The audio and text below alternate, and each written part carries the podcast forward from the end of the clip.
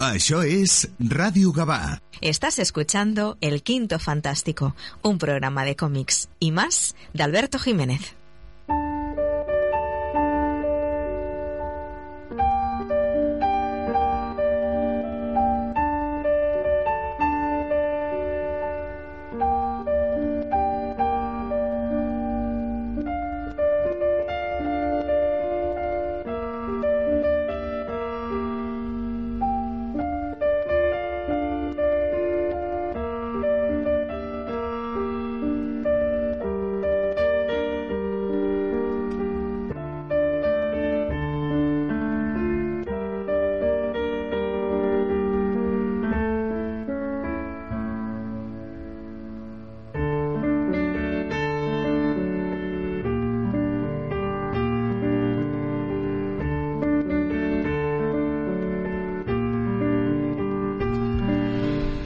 Pleno salón, el sábado recibimos el mazazo de, la muerte de George Pérez. En redes han sido muchos los amigos que nos hemos enterado de su cáncer terminal y de su situación de no seguir medicándose. Comenzaron a hacer homenajes diarios. He de destacar sobre todo los de los amigos Albertito, Lorazot, señor Banner, Vila Banner en Twitter. No, había día que no ponía una, una viñeta de, de George Pérez y, como no, también de Ricardo García, poniéndolo y pon un día, pon un día a George Pérez en tu vida. Sus obras, Vengadores, Titanes, Crisis en Tierras Infinitas, se quedan. Pero también se queda toda la gentileza, bondad que nos ha desprendido a todos los fans en los salones y los que no hemos podido ir a los salones en Estados Unidos. Eh, esas imágenes, esa sonrisa perenne que siempre tenía George Pérez. Te vas pero no lo dejas todo aquí. Yo simplemente te digo gracias, George. Maite, comenzamos. Estás escuchando El Quinto Fantástico, los cómics en Radio Gabá con Alberto Jiménez.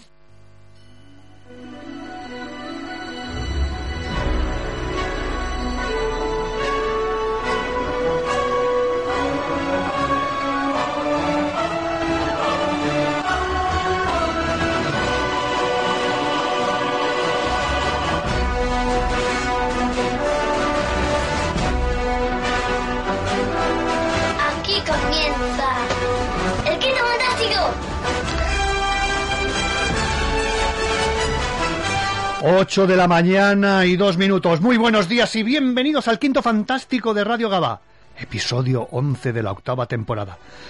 Todavía con emociones en el cuerpo, de reencuentros con amigos, con dibujantes, con guionistas, con entintadores, con, editor con eh, jefes de editorial.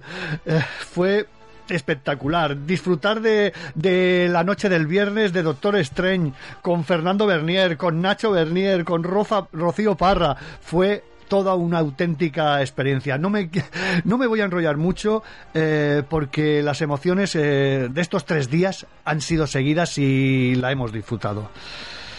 Así que, así que vamos a, vamos a, vamos con el, con el guion del programa.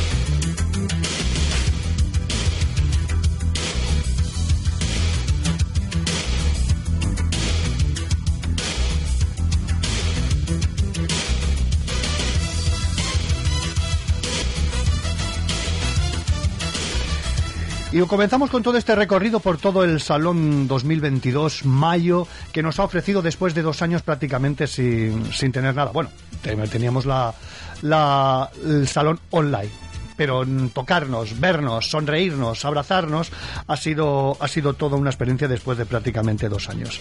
Nuestra primera parada mmm, fue ni más ni menos con una grande, con Ana Peñas, que nos habló de un poquito de su trayectoria y también nos habló de, de sus dos trabajos cúlmines, Bajo el Sol y Nosotras estamos bien.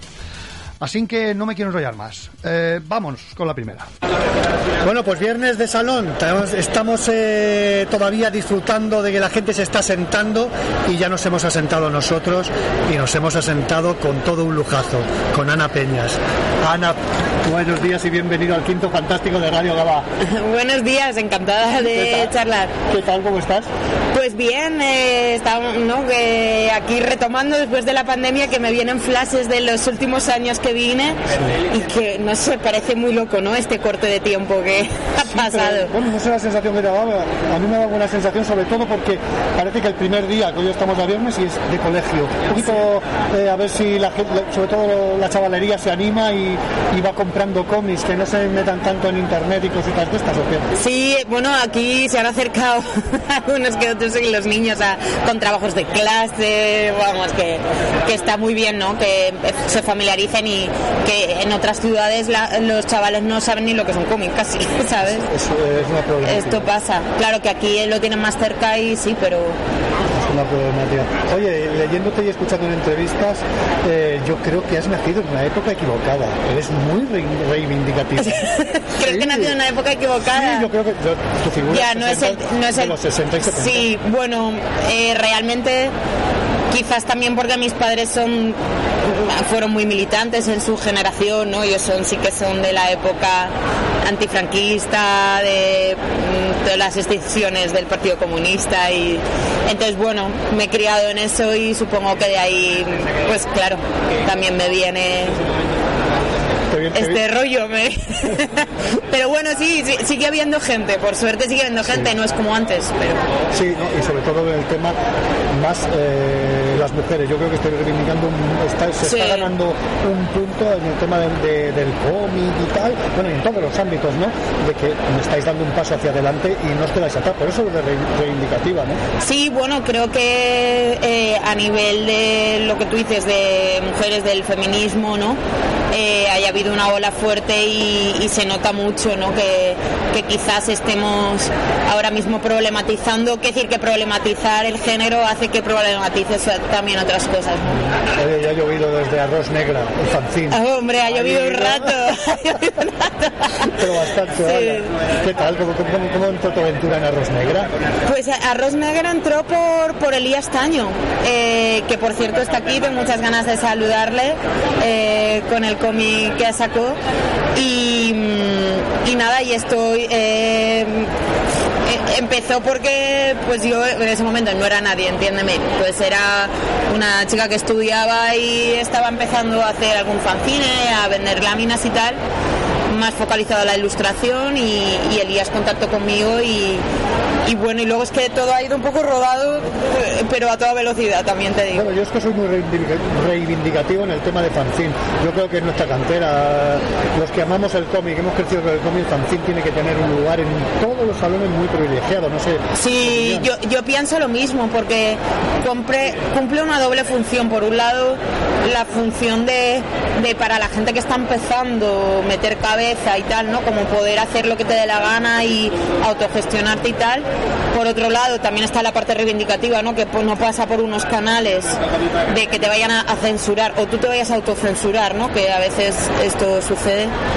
Y luego que, eh, que eso, que es un medio en sí mismo, que puede ser un profesional ya consagrado, por así decirlo, consagrada, y seguir reivindicando ese mundo y seguir haciendo cosas de fanzine sobre todo yo lo veo mucho ligado al carácter eh, reivindicativo, ¿no? Y también a otra experimentación. Eh, así que bueno, sí, estoy contigo de... Oye, ¿qué tal? Eh, has publicado ya tu última obra, Todo bajo el sol, pegas un cambio, un giro reivindicativo, pero pegas un giro de lo que hiciste un poquito con tus abuelas, pero retomando un poco la parte también nostálgica ¿no? este tema. Eh, quizás se parezcan un poco en ese sentido, porque los dos tienen esa parte de, no es de nostalgia, sino de hablar del pasado. Quizás es verdad que en, todo, en, Estamos Todas Bien no había mucho que rescatar de ese pasado, por decir nada. Y en cambio en Todo Bajo el Sol sí que había algo como puede ser el territorio, ¿no? cómo estaba el territorio antes en la costa mm, mediterránea del estado y cómo y en lo que se ha convertido pues sí creo que, que hay cosas a, a reivindicar y a añorar ¿no? Has trabajado mucho la documentación, sobre todo en este, en este trabajo. Eh, me imagino que a familias que fueron expropiadas en su día, de golpe y porrazo, por el tema urbanístico, habrá tenido que ser duro. Sí, es, al final es que tampoco, que decir, hay una investigación que he tenido que hacer, es proceso para esto, pero al final es el escenario donde yo he vivido y esto ha pasado siempre. Además, eh, yo soy de Valencia, justo de un barrio que Benimaclet, que es límite con la huerta. Bueno, toda Valencia es límite con la huerta, menos la que no es límite con el mar, como el Cabañal. Entonces, esta, esta lucha constante y esta amenaza constante a mm, la expropiación, a que te hagan una carretera, a que amplíen el puerto, a que mm, te hagan un hotel, en fin, esto es el pan de cada día, ¿no? Y, y- y más lo fue en los 90 y ahora mm, sobre todo se ha llevado el tema de los barrios, ¿no? Que en Barcelona, pues ya imagínate, Sí, sí. eh, con toda la expulsión de los vecinos y vecinas, de los cascos históricos y tal. Entonces, por mucho, para esto profundicé, pero ya las historias estaban presentes, ¿no? Ya venías con una información sobre todo. Claro, ya. trabajada. Claro, ya por pura, por puro contacto directo con eso, ¿no? Sí. Oye, no puedo remediarme de hablar de qué tal, qué tal Maruja, Maruja y Herminia. Ay, pues mira, Maruja falleció hace un año. Ay, no me digas. Sí, no, no, aunque tocó en esa, ella, ella estaba con Parkinson diagnosticado, ya estaba muy mayor y la verdad que al final nos, nos alegramos en el sentido de que ella estaba sufriendo, estaba sufriendo muchísimo y ya no era, casi no podía hablar, en fin, ya, ya era, no era calidad de vida. Y Herminia está estupenda. Herminia, bueno, estupenda para tener 91 años, yo creo que está estupenda para tener 91 años. A ver si llegamos, ¿no? Sí, no, no, y como ella, yo te digo, yo, yo firmo, todos decimos en mi familia, firmamos para llegar como Hermini. Sí, sí. Oye, pues es, es genial. Bueno, y me alegro por ella porque habrá podido disfrutar. Sí, mucho, la ha podido disfrutar. De, de esta obra, ¿no? Sí, de hecho mi, una tía mía me dijo, la, la abuela pegó un subidón, que decir, estaba como más para abajo y, y reviscoló, como que de repente le dio un empuje de salud, ¿sabes? También de, de algo que le ilusionaba, de que la pararan, de ver, ¿no? Como que le cambió un poco la perspectiva de sí misma. A veces habla, se reivindica un poco desde ese lugar como ya de, no, es que yo lo que he pasado, que no antes no decía eso, antes no decía eso. Entonces, eso me da mucha alegría, la verdad. Yo he de confesarte un pequeño secreto. Mi, mi madre, bueno, mi madre tiene 97 y todavía aguanta. Guau. 97, pero tengo do- dos tías y les he regalado esto. Ah, sí, y que, y que han- han- La opinión, eh, a ver, son- me, me he llevado una sorpresa eh, por la opinión que ha dicho, pero eh, la frase suya inicial, ¿sabes cuál era? Era, Claro. es, que era así. Es que era Es así. que no teníamos otra y era así. Hostia, ay, perdón. No, no. Eh, pues eh, a mí es de lo más bonito que me ha traído esta Mostrados Bien, por no decir lo que más, es haber llegado a, a- a ese público que no yo no, no, no tenía ni idea. Que, si no fue mi intención, pero bueno, que se hayan sentido identificadas, que lo hayan visto, que se hayan visto reflejadas, es triste por un lado en el sentido de, lo que de lo que estaba mostrando pero por el otro lado es guay que se vean en algún lado no Sí, es que la frase es de. A ver, yo cuando me. No, es que era así, es que era así. Me, me daba rabia, eh, bueno, lo asumía, pero me daba rabia porque era como muy sumisa, ¿no? Dice, Sí. ya, es que no teníamos otra. No, te- no, El la verdad que no. el tenía que tener el príncipe, tener hijos, tal, y yo no había, no había otra. no había otra pocas pocas han podido hacer un camino un poco más Sí. eh, libre no por así decir en esa generación muy difícil Pero te voy a preguntar por una cosita, por la por en transición. en transición ¿Qué tal? ¿Cómo te ahí con esta, con esta historia? Pues esa historia la disfruté mucho porque me la propuso en ese momento un- una persona que no conocía, Alberto Hayer, que él estaba empezando la editorial, era de mi edad más o menos, entonces fue muy guay porque los dos estábamos empezando, lo hicimos como desde un lugar muy fresco y nos hicimos colegas, entonces fue una relación muy poco vertical, que decir, fue de estar de cervezas y hablar y aprender juntos y así que lo disfruté mucho porque no, no éramos nadie en ningún momento los dos y a él también ahora le va súper bien cosa que me alegro, es un muy pilas él, y, y entonces pues no sé, fue algo muy fresco. Yo te tengo que decir que me tengo, a mí porque es que el tema, bueno, claro, yo ya tengo una edad y tal, y el tema de transición mm, te pilla un poco, a mí me gusta, quiero hacerme con la obra esta, voy a ver si Sí. la, me la hago para, para leerla con detenimiento, porque sobre todo todos aquellos años me, me, bueno, me fascinan entre comillas, ¿no? me, me gusta saber opiniones de, de, de todo, de todo un poquito, de quien, hay, quien ha buscado esa información sobre ella, ¿no? Sí. Eh. Sí, a ver, lo que pasó es que Alberto había hecho la tesis del máster sobre el tema. Entonces él ya tenía bastante documentación, es decir, que el, el guion forma mucho de su parte. Entonces lo que hicimos básicamente fue hablar casi de todo el siglo XX en el Estado español, porque, porque era como para entender lo que pasó, es que nos tenemos que remontar a la República y llegamos hasta, hasta en ese momento, es los días que 2017 o así. Entonces, y que al final se llaman transición, pero abarca, ya, ya. abarca mucho. Bueno, y ya para finalizar, me gustaría, ¿cómo ves el tema actual? ¿Cómo ves el mundo del cómic actualmente? ¿Ves que saldremos de, de- después de esta debacle y demás?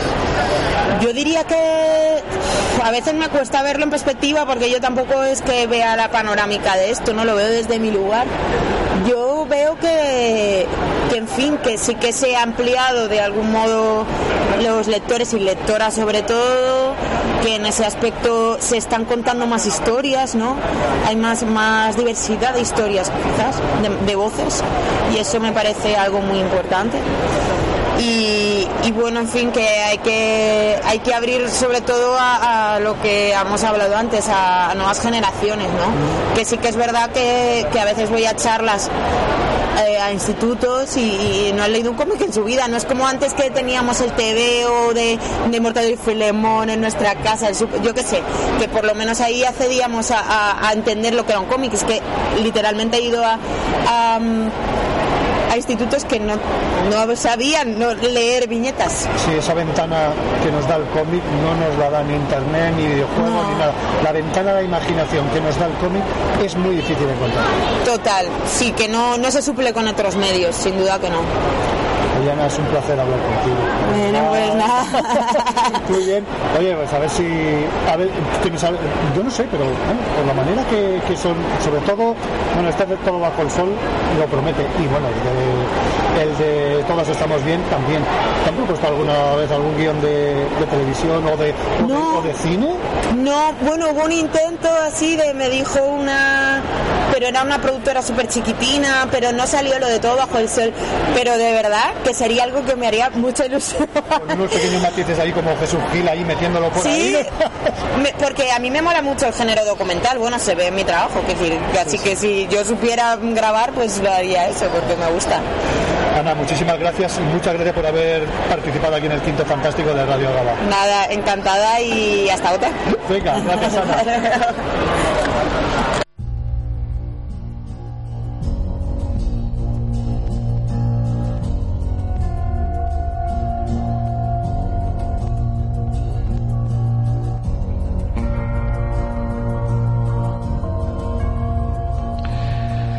Pues genial, ahí estuvimos con, con Ana intercambiando y un ratito, un ratito muy majo, intercambiando impresiones. Creo que las charlas se, se hicieron prácticamente, no, no, no se puede decir que eran entrevistas, sino charlas entre, entre amigos.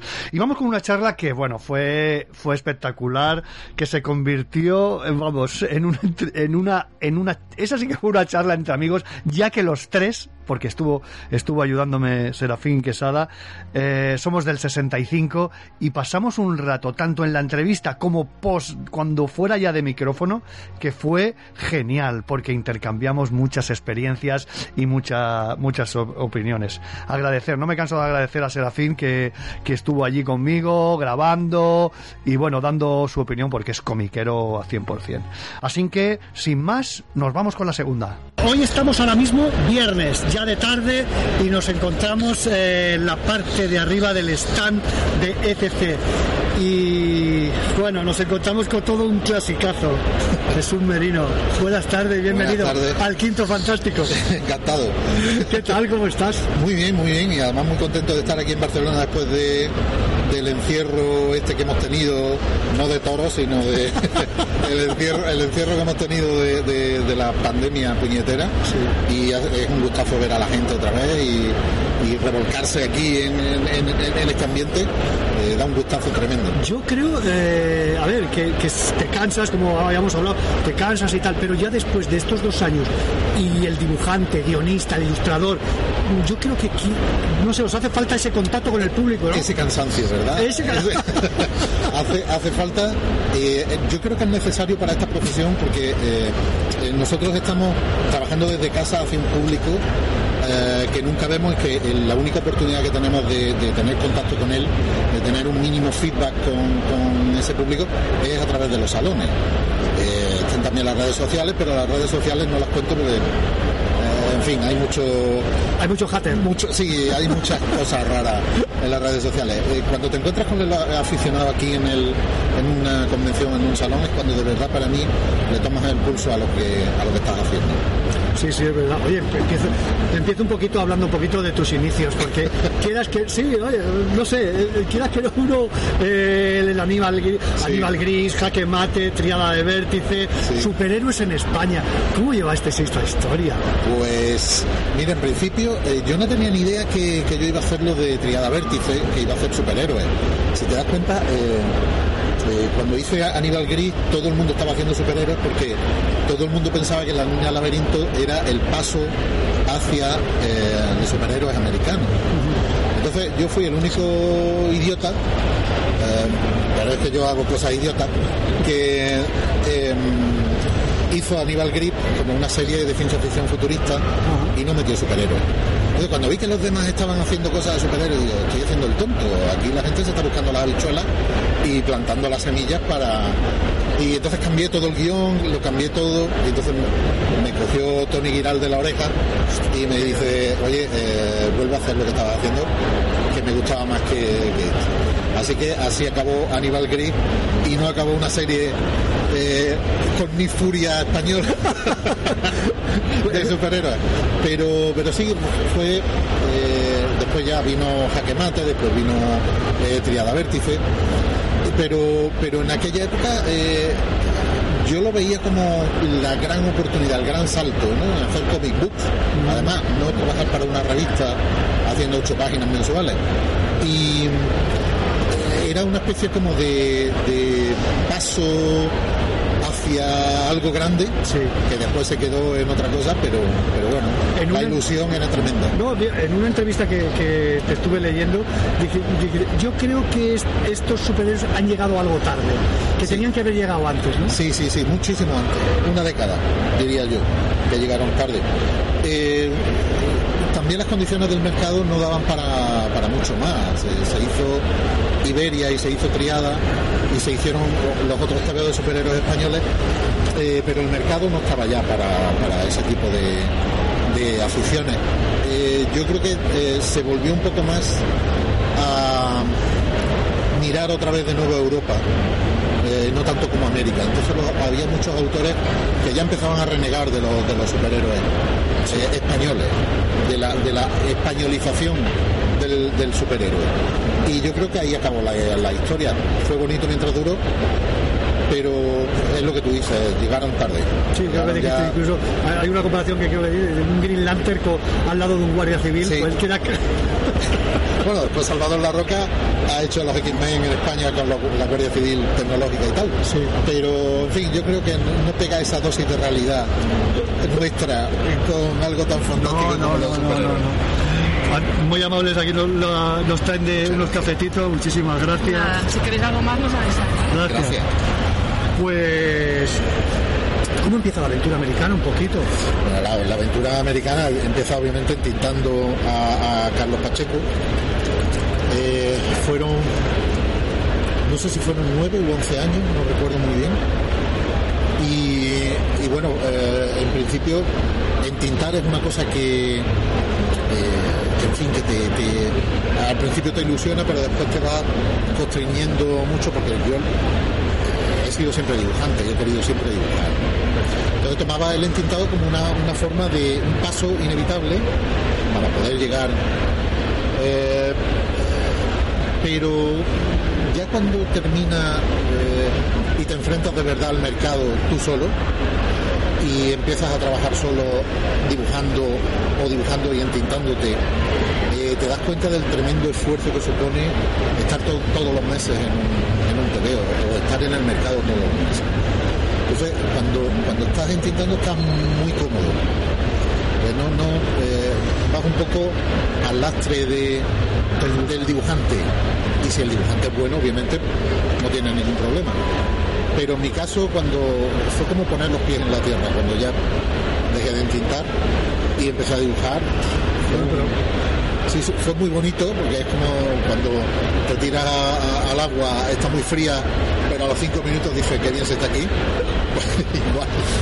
Y hasta que ya te, te- te calmas un poco, te acostumbras, eh, ya te relajas un poco, pasan muchos años. Pero fíjate, empiezas con Superman, ¿no? A dibujar por ti. Empecé, empecé con, con- con Superman haciendo unos números que yo no esperaba hacer. Primero intentando a un dibujante brasileño y después eh, empecé a hacer números. eh, eh, el, el editor de, de aquella de aquella época, Matilson, pues vio que, que podía hacer algunas cosas en condiciones rápido y, y me encargó algunos números. Y ya después fue cuando, en principio me iban a, a encargar a Supergirl, al personaje, pero fue cuando se cruzó George Pérez en mi vida y fue cuando hicimos lo de, lo de Superman. Por eso te que- antes, porque yo creo que si ha habido dos personas que te han marcado en tu vida ha sido Carlos Pacheco y George Y Pérez. George Pérez, efectivamente. Antes de George Pérez ya hice la JSA con el editor Mike Carlin y, y todavía se acuerda, muchas veces hablo con él y todavía se acuerda. ¿Te acuerdas aquella vez que, que, repetí- que repetiste una página entera de la Justice Society? Digo, sí, pero esa página ahora la están repitiendo en todos lados y es cuando hablan de la Justice Society ponen esa página y tenía razón al cambiarla porque la página era muy mala. Pero, pero el pobre el pobre estaba con la prisa con la bulla y yo cambiando páginas y, y- y rehaciendo páginas. En fin era, era la eh, pagar en la novatada vamos. A Carlos Pacheco eh, lo conoce porque es un hombre que ha venido eh, ni estando nominado, sin estar nominado, es que le va la marcha, es un tío de, de- que, que le va el combate. Pero George Pérez, por, por lo que ves en redes sociales, desprende una bondad a, a través de su mirada, de sus trabajos. Tú que lo has conocido en ese cuerpo a cuerpo y trabajando sí. con él, Eh, era es la forma, la forma en, que, en que yo lo conocía aparte de personalmente fue epistolarmente a través de muchos correos. En- en- y se- después ya cuando cuando la cosa se, se ha enfriado y luego con la enfermedad y tal hemos per- perdido contacto. Pero durante aquella época sí teníamos contacto por, por mail. Pues ya lo conocimos, incluso llegamos a dar una charla en Nueva Orleans, eh, los dos juntos, y, y llegué a conocer a la persona y e- efectivamente era una persona bondadosa, es una persona bondadosa. Ya hablo casi en pasado, Sí, pero es- es. es una persona bondadosa, todavía tenemos que disfrutarlo porque sigue entre nosotros. Y, y me pareció un gran artista, me pareció una bellísima persona y, y tengo que un poco retomar, retomar un poco el contacto. No, me resisto todavía a pe- a pensar que, que nos va a dejar en algún momento, pero hay que hacerse un poco la idea. Como ha pasado con Neil Adams, sí, como pasó con Corbin, con, Juan Jiménez, que, que la gente se va. Es que sí, sí, que es- la pena es esa, ¿no? Que, que, que sea mm, tan lentamente, pero bueno, mira. Neil Adams ahora nos ha dejado, ha sido, bueno, ha sido muy, muy de sopetón, pero bueno, lo de George Pérez es Sí, bastante lento sí, y bastante... Hay gente que se merece la condición de inmortal y, y algunos, mm, yo cuantos candidatos. Yo creo que será inmortal. George Pérez será inmortal. Por tanto. Yo creo que sí, yo creo que sí. Oye, el anillo negro, el reinado del juicio final, la caída de Camelot. Ahí has coincidido eh, con, Carlos, con Carlos Pacheco. Eh, pero, ¿qué trabajos te han marcado a ti de Superman? De Superman.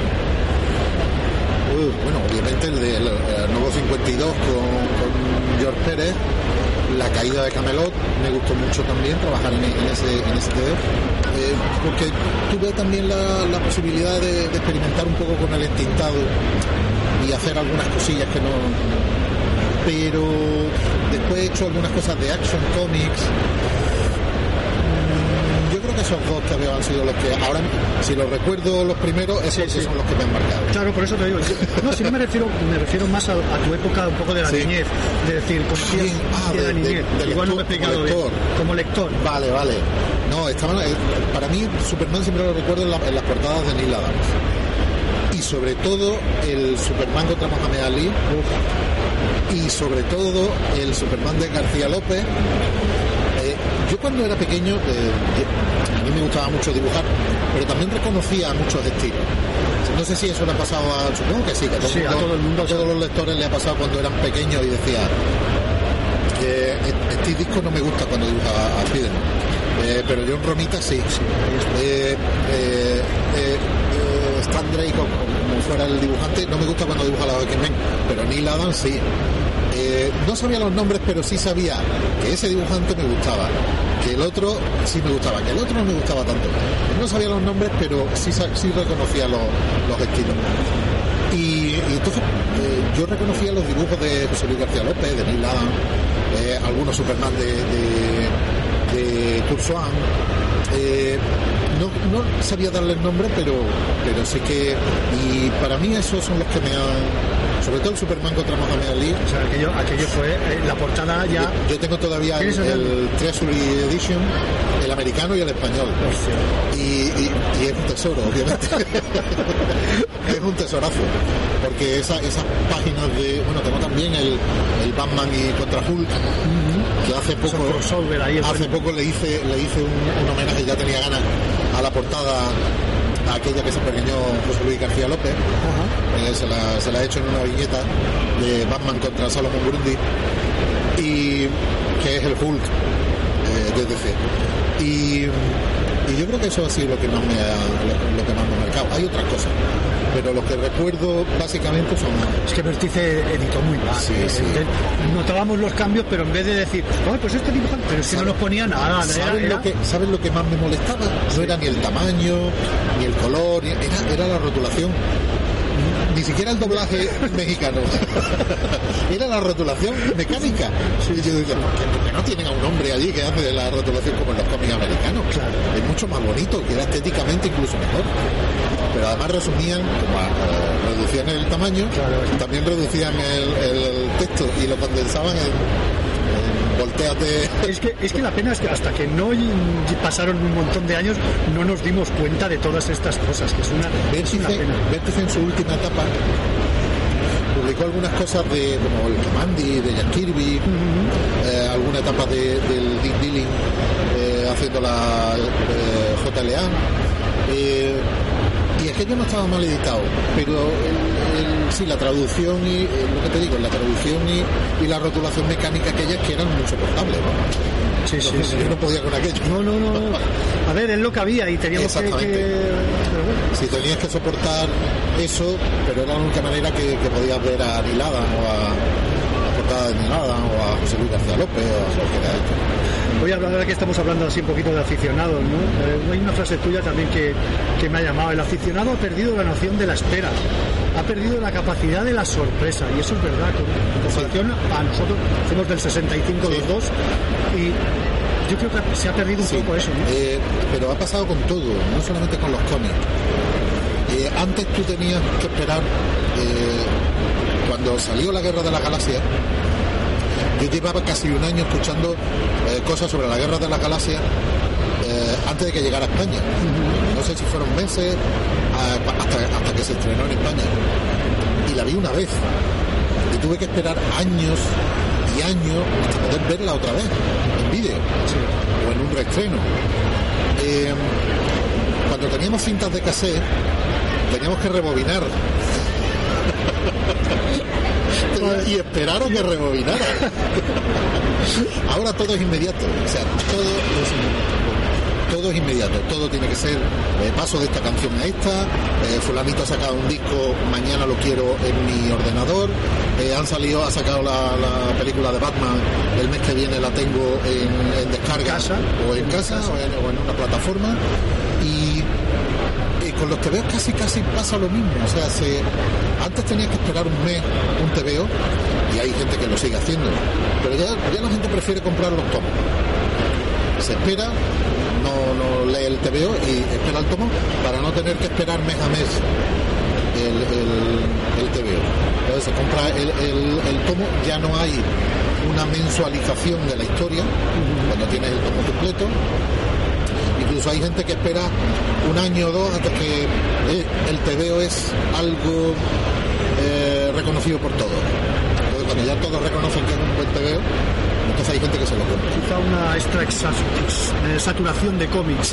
Venga, venga, Sí, venga, sí. venga. De todas las editoriales, no se salva ninguna. De hecho, ahora se venden más libros que, que comic books eh, a nivel global. Eh, mensual sigue- se siguen vendiendo comic books, pero cada vez menos. Y yo creo que, que la, la- la- la razón es esa precisamente, que es que la nueva generación no está acostumbrada a esperar un mes.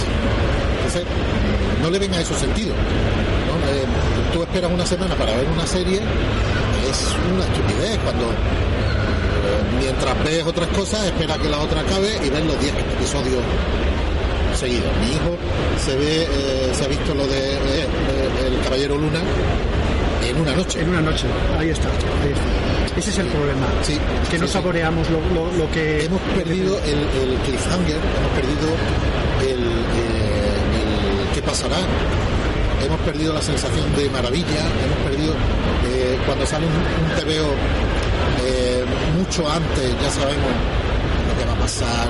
Yo no he leído todavía la muerte de la Liga de la Justicia. El, el TVO este que, bueno, pues ya todo el mundo está hablando de lo que pasa después.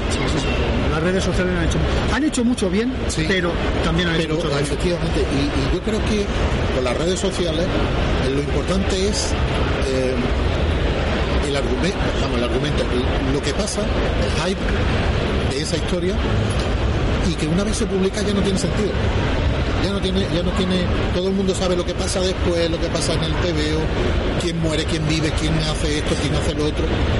Y ya cuando, cuando eh, sale el TVO dices tú, ¿para qué? Ya, Ya ya- el hype- sí, ya lo he leído todo. el han hype- contado todo. el hype además se ha desplazado.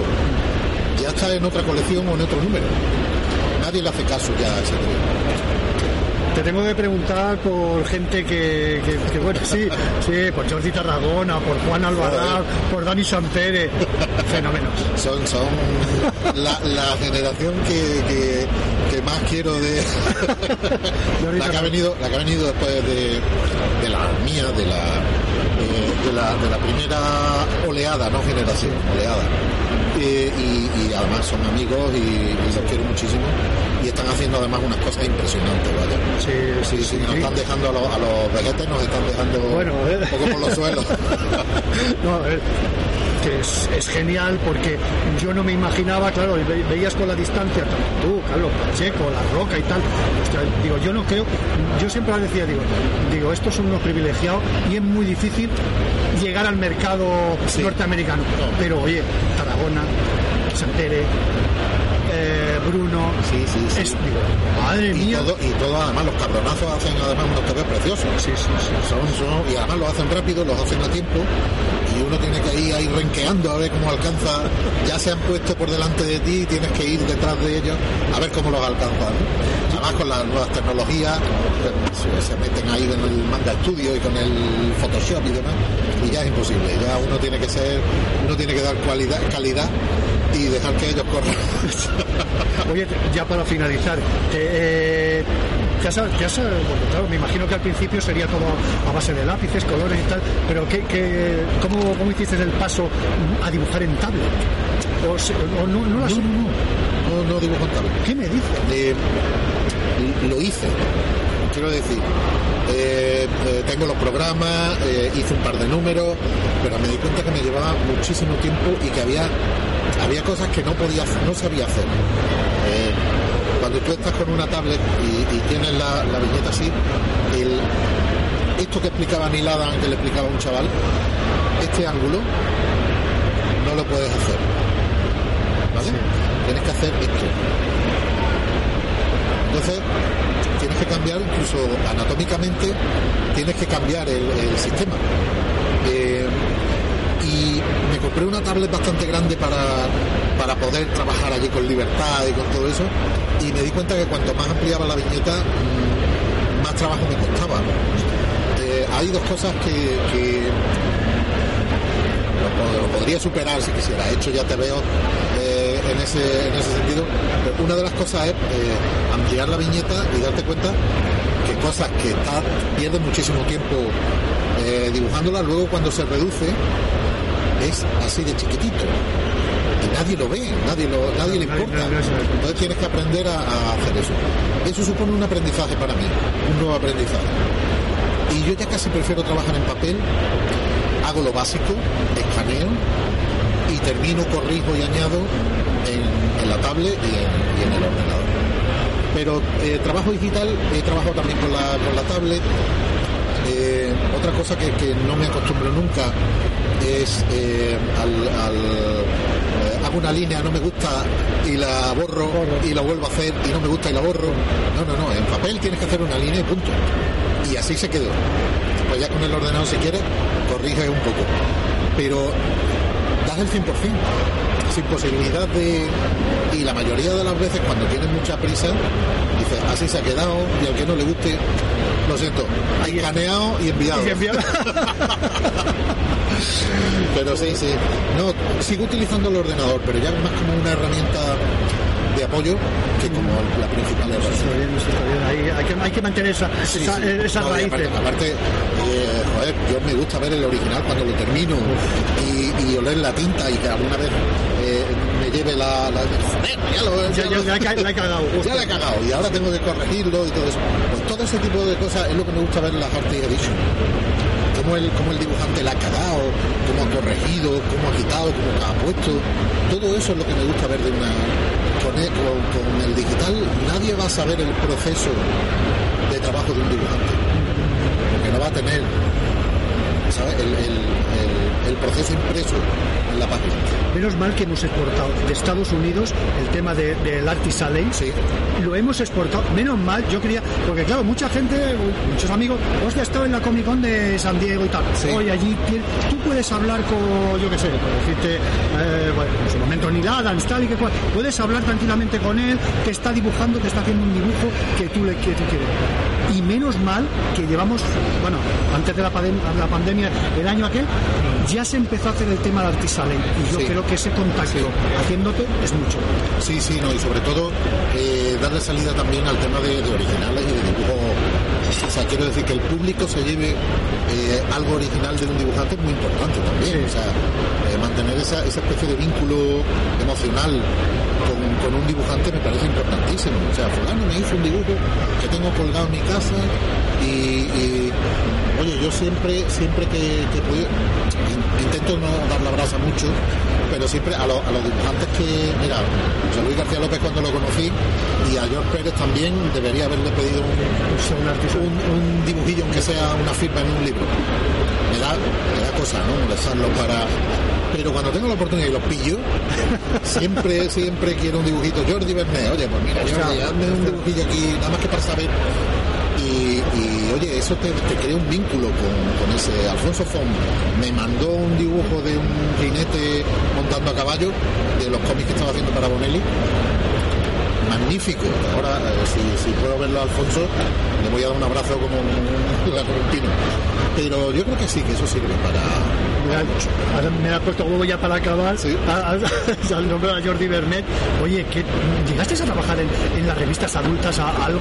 De, En las revistas adultas, To Time, eh, 1984, Crepit, ¿no? No, ¿No? porque, porque cuando yo ya eh, crecí artísticamente, fue cuando cerraron todas Sí, las. es, es verdad, del 92 o 96. Eh, creo tuve, que la, ya... tuve la oportunidad de que Tutain me, me, me, me publicó dos, creo que fueron dos historias en los concursos aquellos que eh, en los finalistas publicaban luego un tomo eh, con, el, con los finalistas del concurso y creo que fue un par de veces las que, las que pude, pero eso fue todo.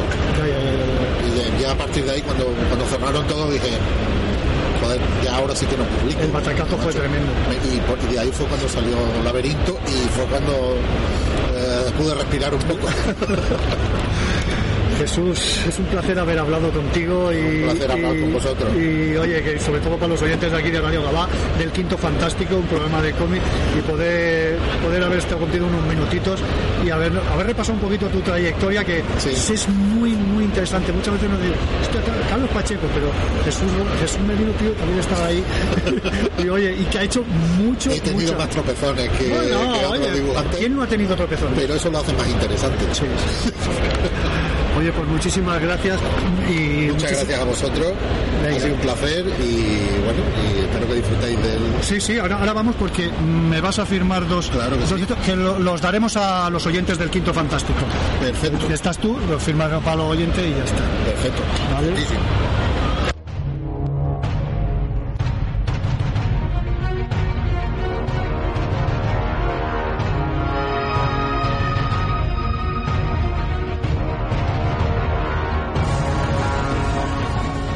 Todas las entrevistas son fantásticas, me lo paso pipa, pero cuando coincides con alguien como Jesús Merino y estás disfrutando porque estás hablando con un amigo de toda la vida, eh, es genial. Fijaros lo que dice hablando y después prácticamente unas horas más tarde nos enteramos de, la muerte de, de Pérez, ¿no? En fin. Eh, sí, y sortearemos, sortearemos dos cómics firmados de Renacimiento que los tenemos firmados por Jesús Merino. Los, sorte- los sortearemos de cara al programa que viene. Así que ya estar atento en, en redes. Bueno, y nos vamos a disfrutar con la tertulia que, tuvi- que tuvimos con Marica Vila. Toda un, una ilustre en tema de revistas adultas, sobre todo en el Totem. He recordado mis Totem y me los llevó y me firmó alguno.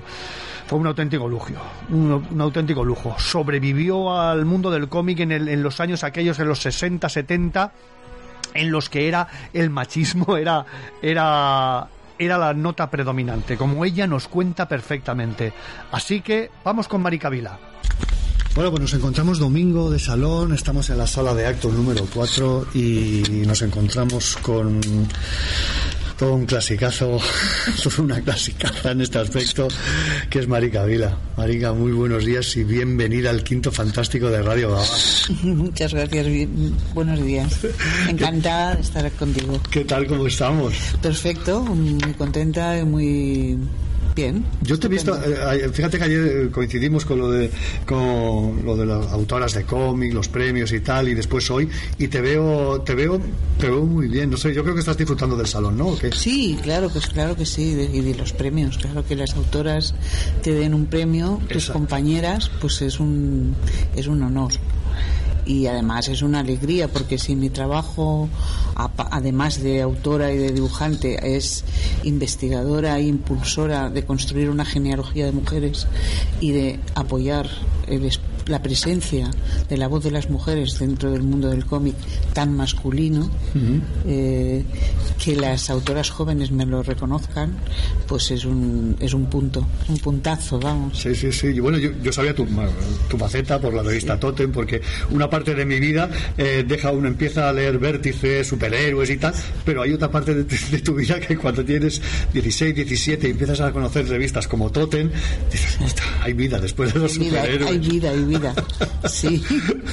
Oye, ¿cómo? Eh, lo que no sabía era lo del tema de la investigación. ¿Piensas hacer algún proyecto de, de decir, oye, pues voy a hacer un libro, voy a hacer un cómic? Sí, no sé? sí, el año que viene sale. Estoy, bueno, he hecho una tesis doctoral sobre, eh, o sea, mi investigación, eh, de, mi tesis doctoral eh, trabaja sobre el concepto del cuerpo ocupado, porque como estarás de acuerdo conmigo que el, el cuerpo femenino ha sido un icono en el cómic, ha ocupado portadas, sobre todo ahora estábamos hablando de los años 80, 90, del fin del siglo XX, las portadas de los cómics, de los kioscos se convirtieron en una exposición de cuerpos femeninos, ¿no? Eh, entrabas en un salón del cómic y las, mm, los disfraces de las vampirelas y de las superheroínas, el cuerpo femenino eh, ocupaba un, un gran espacio. Y en cambio las voces de las mujeres reales, las voces de las autoras, poco. Eh, en realidad ese, ese cuerpo femenino eh, era una visión patriarcal del, del cuerpo de las mujeres, era un discurso masculino dirigido a un diálogo entre chicos, era un constructo. En cambio, no había la aportación de la visión de las mujeres sobre su cuerpo y sobre su representación. Esa ha sido mi tesis doctoral, analizando el discurso del cómic, señalando las, las- los huecos, las ausencias y, por otro lado, recuperando las mujeres que sí estaban ahí hablando y no se veían, ¿no? y analizando cómo hablaban ellas del cuerpo femenino y contrastando los dos cuerpos, ¿no? Sí, sí, es que- Eh, el cuerpo ocupado como transgresión de, de la como ocupado por la transgresión masculina en el cómic en los años 70 los hombres se liberaron a través del cuerpo femenino pero no liberaron a las mujeres las mujeres no se han liberado con eso al revés han sido usadas Sí, sí, sí. sí. y, y por eso y por eso es muy importante que hoy haya es muy importante recuperar el trabajo de las autoras ver cómo trataban el- cómo han tratado cómo hemos tratado el cuerpo reconocer que para nosotras eh, sobre todo en la autoría no en el trabajo mm, de por ejemplo el cómic femenino que se seguían unas pautas editoriales pero cuando quieres asumir la autoría y te enfrentas a dibujarte a ti no a ti, no en autorretrato, sino a, a la voz de la mujer, a la voz como mujer, el cuerpo que vas a dibujar está lleno de códigos masculinos. Está lleno de códigos de la mirada erótica masculina, no es el tuyo. Y entonces el primer hándicap, lo sepas o no, es, es eh, enfrentarte a ese, a ese tema. Y las mujeres nos hemos enfrentado a ese tema y las mujeres hemos empezado a enseñar la diversidad de los cuerpos femeninos, ¿no? Y hoy está lleno, o sea, hoy aún aún somos minoría y aún falta muchísima voz de, de las mujeres, pero ya sobre todo también gracias al trabajo de las pioneras modestamente como yo pero otras las que hemos tenido desde Nuria Pompeya hasta desde Lola Anglada en la, en la República Rosa Galcerán eh, mm, Nuria Pompeya pues yo otro- y otras autoras sí, sí. eh, pero también la, la aparición de las nuevas tecnologías ha sido un gran punto a nuestro favor nos ha ayudado muchísimo a mm, a- adquirir presencia en un escaparate que no nos era no nos era filtrado Y, y por eso las mujeres hoy tienen una presencia importante y han de tenerla más. Y además están renovando también el idioma el, el discurso no el idioma el discurso del cómic lo están le están aportando eh, nuevos nuevos giros y cambiando aportando nuevas construcciones de imaginario. Sí, sí, sobre todo muy, muy de reivindicación. Yo me encuentro que, sobre todo, con todas las autoras que, que entrevisto, que hablo, que cojo sus cómics y tal, muy reivindic- reivindicativos y con mucha fuerza. Claro, es que es que no puede ser de otra manera porque hemos de recuperar un espacio, hemos de recuperar el cuerpo, hemos de Qué, recuperar. qué gran frase, perdona, Sí, sí. qué gran frase. Hemos Sí, de recuperar el cuerpo. Claro, claro. Pues esa es mi tesis y ese libro saldrá en 2023. En 2000. Se está preparando. Pues vamos a estar atentos ahí para, para ver si, si hablamos contigo en, en la Claro. presentación y lo tenemos allí en Claro, Gabá y claro. demás. De hecho, de hecho, eh, en- he colaborado en, en cuatro libros este año, eh, con pequeños, o sea, con partes en libros colectivos, eh, para chicas, eh, mm, otras miradas, o del boom al crack que sea fue anterior, eh, dibujar historias. Todos estos libros, que son de ensayo teórico sobre el cómic, tienen una parte que hago yo y que es, versa sobre ese tema. Genial. Volviendo un momento a lo de, a lo de la recuperación del cuerpo y demás, y de dibujar el cuerpo de, de, de la Sí. mujer, eh, mm, la perspectiva que, te- que teníamos ahí, sobre todo el lector, que, el Sí. lector que era masculino, era que era la mujer la mujer que queríamos nosotros, porque después de todos estos años, de, Claro. había los años de transición, eh, había, ah, había un tanto tabú y de repente pues te pegas este golpetazo Sí, y sí. las mujeres son así, ¿no? Sí, sí, os liberasteis vosotros. Pero no, no, no a nosotras, nos usasteis para liberaros. Porque además os liberáis. el, el- el hombre se libera con un artefacto construido desde la mirada patriarcal, de la- eh, el patriarcado del que él se está liberando, o sea, al padre al que él se está oponiendo, ha impuesto ese modelo y ha impuesto una construcción femenina que es o Venus o puta, o virgen o puta, perdona. Eh, y esa, esa construcción es la que rompéis todos los tabús, los- el, el masculino transgresor rompe todos los tabús menos este, este se lo queda y dice, "Y ahora, quiero, ahora lo quiero disfrutar yo solo. Pero para eso no libera a sus compañeras. Sus compañeras en ese momento están en la calle eh, quemando los sostenes y, y- y reivindicando, eh, reivindicando espacio y voz.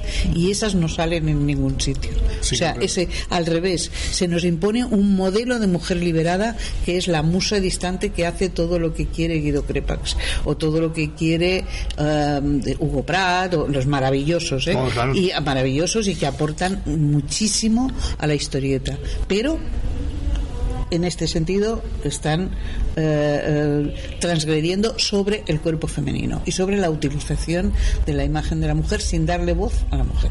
Sí, pues mientras- Aunque, aunque pongan, un- aunque sea, hay el falso protagonismo, ¿no? De que Valentina es un, es un personaje femenino. No. Valentina es Guido Crepax. No, o sea, es, son los fantasmas, él lo, él lo dice, ¿eh? Es el, el o sea, es la, la crítica y, y- y la, la lectura social la que dice, este es el icono de la transgresión. No, de la transgresión no, de la transgresión masculina que sobre el cuerpo femenino. El cuerpo construido desde una mirada patriarcal porque no representa a las mujeres. Valentina no nos representa. no, no, no, no, igual que Milo Manara con Click. Bueno, mira, Manara ya es directamente. Ya. Y lo Manara ya es directamente. Sí, sí, sí, sí. Sí, es, eso es, es que es la razón. Nosotros, vosotras os quedasteis, eh, en vez de a- nosotros dimos el salto y vosotras quedasteis en esa, en esa superficie de, decir, no, nosotros eh, seguimos esperando al príncipe. Creo que lo comentas en, en una entrevista y dice, seguimos esperando al príncipe encantador, por decirte algo, mientras vosotros los hombres habíais saltado. Que nos quedaríamos. No, no, no, no, no. Nosotras estamos saltando ahí. Ay, sí, sí, sí. Ah, nosotros estamos ahí saltando y estamos codo con codo. Lo que pasa es que estamos Lo que quería el patriarcado, perdón. Claro. Lo, lo que quería el patriarcado es dejarnos con el príncipe. Exacto. Y lo que querían los Perdón, no es o dejarnos con el príncipe para casarse, pero mientras tanto mm, disfrutar de las Venus mm, maravillosas eh, y sacar su toda su trauma.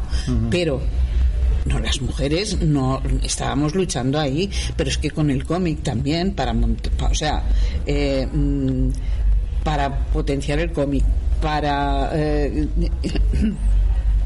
perdona, Sí. para impulsarlo, para eh, crear la revista. No, te decía que, que las mujeres han. eh, Los hombres han hecho una transgresión a la que les, les hemos ayudado nosotros igual. Solamente que en el momento del discurso eh, eh, el, el suyo ha sido el potente y ha sido a través de nuestro cuerpo y el nuestro ha quedado debajo. Por eso mi tesis rescata a, las- a todas las, las voces femeninas que no han salido, que le faltan al cómic. El cómic tiene un, un canon en el que falta la, la mitad de la población, ¿me entiendes? O sea, Sí, a- falta- al que le falta la voz de la mitad de la población. Entonces eso se ha de recuperar y se, se ha de integrar. Y en eso estamos. Oye, ¿qué tal? ¿Cómo te sentías allí en, en aquellas revistas, en el Totem, en el Rambla? Muy bien, era, bueno, quiero decir, eh, yo le pasé, yo soy una afortunada porque peleona, muy peleona, pero yo he disfrutado muchísimo. He disfrutado muchísimo con, en esta profesión, he disfrutado muchísimo con, vi- viviendo esos momentos de, de, de la transición y de la y de no solo por no solo por la, la evolución política y por la lucha en los ideales y porque hemos sido una generación nos llamaron la generación del compromiso y nos han llamado y, y el compromiso es muy agradecido aunque mucha gente le tiene miedo porque porque sí te obliga a hacer o sea te, te da una cierta responsabilidad pero te da mucha satisfacción saber que o sea tener ideales y tener eh, y luchar por ellos no y entonces pues bueno pues fue una época magnífica luchar por, por, por, por adquirir un espacio por elevar un medio a, a- a la categoría que se merece de arte como los demás artes con minúscula porque el arte con mayúscula es para los museos pero el arte es para la gente para- el el arte es popular ¿no?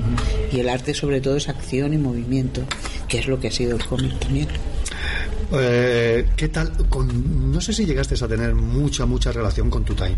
Sí, hombre, yo empecé con Tuten. Y Tuten me dijo un día, me hizo sentar en un sillón y me dijo, yo hacía mm, ilustra- hacía trabajos a carbón, eh, hacía ilustraciones, aguadas se llamaban, que eran unas ilustraciones en blanco y negro, en car- a carbón, pero muy trabajadas y tal. Yo entré de la mano de Luis García y Luis García era mi maestro, el que me había enseñado. Entonces un día me sentó y me dijo, tú, sabes la responsabilidad que tienes porque, claro, es una chica, pero sigues la línea de Pepe González y de, y de Luis García, pero eres una chica. O sea que yo no creo que consigas mantenerlo, porque eres una chica. Te lo iba a decir, digo, muy machista era. Muy machista, claro. Entonces, muy paternal. Eh, eh, Era paternal, machista, claro, de su época, pero muy machista.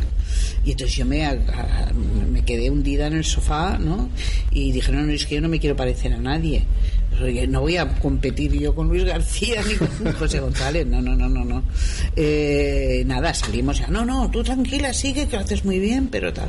Pero yo a partir de aquel momento intenté separarme lo máximo de ese de esa línea e intentar buscar lo primero me ayudó a experimentar sabes o sea pero muy bien o sea eso fue una, una experiencia con Tutem pero vamos eh, después años después que nos íbamos encontrando por todas partes eh, años después cuando en una charla sobre eh, en un salón sobre las autoras y bueno yo reclamando espacio para las autoras había publicado reflejos en aquel momento en Rambla y, entonces vino Tuten y me dijo, bueno, pero tú que eres de mi, de mi es- bueno, maravillado, que no sé qué, que, que, que, que lista, que no sé cuántos, bueno, a piropos, ¿no? Y entonces luego me dijo, bueno, tú que eres de mi escudería y no, publica, no has publicado en mis revistas.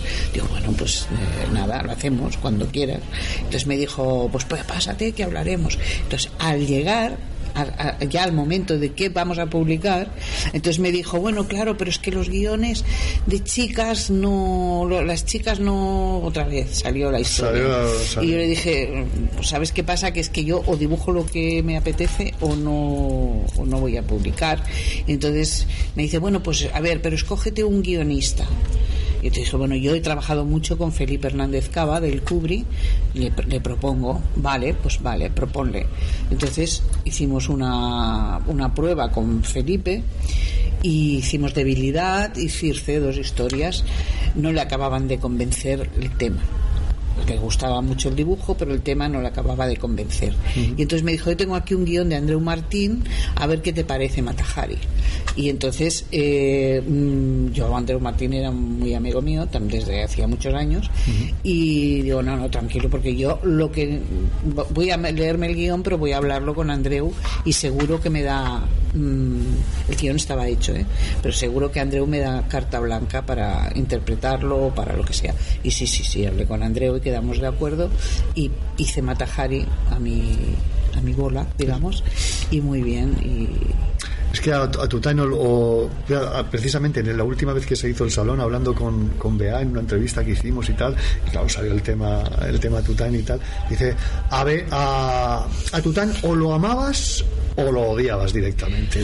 Bueno, yo ni lo amaba ni lo odiaba, pero te diré que aunque mm, sé todos sus puntos negros y todas sus y he sido muy crítica y, y- ahora no porque no hace falta porque No, no, no. está y, y creo que vale más rescatar las partes positivas. Pero sí yo he sido muy crítica también con Tuten, pero tengo que hay una cosa que tengo que reconocer que es el amor por la profesión y el y el las ganas de ayudar a sus chicos desde un punto de vista muy paternal y por supuesto también haciendo negocio.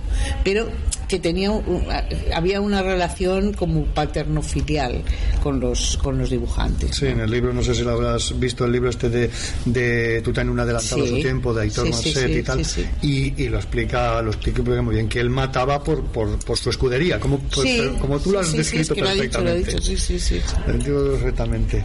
Eh, ya para acabar, panfletos como Butifarra y demás ahí. Y, y una, bueno, antes de- del panfleto de Butifarra me gustaría saber, pues tú estarías, porque antes, fíjate, con Tony Giral y con Emilio habéis hablado del tema Papus y tal. Eh, eh, el día que el atentado y todo el rollo. Sí, iba a cobrar em, yo. Yo iba a cobrar ese día. Yo iba con mi hija a cobrar. Y por una casualidad de la vida, en vez de ir por la mañana, fui al mediodía o a la tarde, no me acuerdo. En- que ya vi- me lo encontré hecho, pero me podía haber pillado dentro, claro. Es que. mm, Sí, sí, eh, sí, fue re- horroroso, horroroso. Yo recuerdo mucho eso. Bueno, lo recuerdo a través de, de las páginas. yo tenía ocho, ocho añitos, no podía, no tenía un concepto todavía de, de, de lo que era. Y con el paso del tiempo, leyendo, hablando una vez con José Luis Martín y tal, y todo. Y ahora que ha salido, digo, me gustaría saber la opinión de Marica, cómo estaba el tema. Bueno, fue muy duro, fue muy duro porque además eh, conocíamos todos a, Juan Peñarver, al portero, lo conocíamos de, de entrar y salir. Eh, yo ese día, ya te digo, yo iba a cobrar una colaboración y por lo que sea, pues me retrasé, o, porque además era, era, eh, la niña no tenía colegio o algo, y la llevaba conmigo, y por llevarla pues me retrasé, fui, fui a hacer algo y, y fui después, bueno, y a, y a iré después, que normalmente lo- íbamos y comíamos juntos entonces con los con Jean y con, otra gente de, y, y claro, llegué que ya había que ya había pasado. Y claro, fue aterrorizador porque pensé, bueno, es que primero la desgracia que ha pasado a quien, a quien cuando te reaccionas después de todo y después de la tristeza y de la pena dices es que me podía haber pillado a mí es que yo tenía que venir antes ¿no? pero mira Y ya para acabar, te- que te lo había dicho antes, Sí. eh, me llama muchísimo la atención lo del tema de los movimientos vecinales, lo de Butifarra, Butifarra. muy, muy reivindicativo. Sí, lo que- sí, sí, eh, sí, yo, sí. yo es que eso me acuerdo mucho, a ver, soy de, somos- soy de Gaba de toda la vida y yo recuerdo cuando se fundaban el tema de la- los Claro. movimientos vecinales, las asociaciones Claro, de vecinos, los sí, sí. panfletos, aquello, y me ha recordado mucho al, al buscar información Sí, sí, sobre sí, ti. bueno, bueno, claro, es que Butifarra era más que un panfleto, porque entonces empezaban a haber panfletos, pero nosotros, Butifarra era mm, profesional. O sea, era voluntarista, pero era profesional. Queríamos hacer una revista que tuviera, eh, no, no como Trocha, que era con más pretensiones de calidad, pero Butifarra quería ser, mm, o sea, lo hacíamos con el mismo interés que hacer que, que lo comercial que estábamos haciendo. Y entonces era una revista en la que se apoyaba en los eh, la revista se apoyaba en los problemas reales del cinturón de Barcelona no o sea de las de las revistas hay de las asociaciones que en ese momento empezaban a empezaban a emerger. entonces ellos nos comentaban los problemas que tenían ahí hacíamos una asamblea hablando tal alguien se encargaba de este guion el otro del otro guion y otros a lo mejor hacían páginas sueltas sobre el tema o o luego hacíamos monográficos eh, sobre los americanos, sobre la mujer, sobre la- y luego se hacía, se- eso se, se editaba y se repartía, o sea, es que el AVI era el que lo llevaba a, todo, a las asociaciones y luego se repartía por ahí. O sea que mm, nada, fue, fue yo creo que, que era, bueno, el equipo hemos seguido siempre en contacto y haciendo cosas puntuales después, ¿eh? o sea, eh, siempre que hay alguna movida, hey, os apuntáis, vale, y, y, ves que el equipo Butifarra sigue vivo. Sigue vivo. Sí, sigue vivo, sigue vivo. Sigue vivo en el sentido de que todos a una estamos ahí. Y, y fue, es una experiencia muy, muy guapa, ¿no? Y dejó dejó, buen, sabor. Dejó buen sabor sí, sí. Marica, muchísimas gracias por haber estado aquí, haber estado unos minutitos aquí con el quinto fantástico de Radio Gabá. Te lo agradezco mucho. Cuando supe que ibas a venir, digo, tengo que revisar mis totem para, para, ver para ver la debilidad, para ver a Mata Hari, para, para una firma ya lo de ella. Y bueno, de verdad que es un, es un, placer hablar contigo. Muchísimas gracias. Y esperando del 2023 estaremos atentos para. para, a ver, a ver, a ver si, a, ver si llego, ¿eh? A ver si, llego. Sí, sí, sí, Tienes energía para eso. Tengo energía, no, no, llegar, espero llegar al 2023, pero a ver si consigo acabarlo a tiempo para que. Pero en teoría el proyecto está firmado para el 2023. O sea que tengo que llegar. pues muchísimas gracias. Gracias a ti. Gracias, Marica.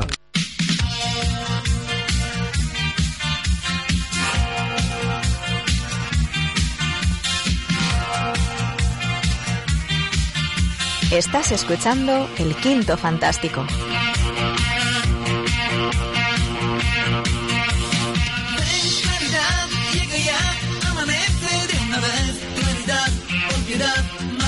Sombras, dame luz, resplandor, libertad, para no soñarla más, noche no, nunca más, que vuelvo a su esclavitud, que vuelvo a su esclavitud.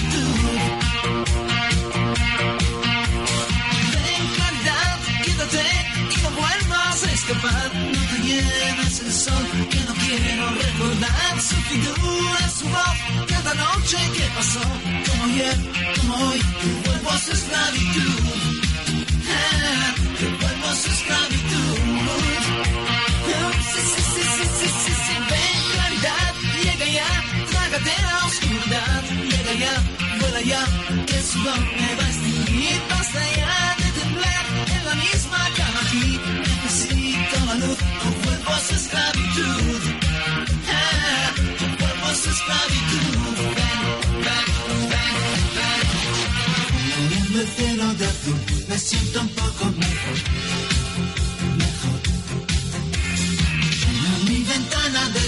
se desdibuja su amor,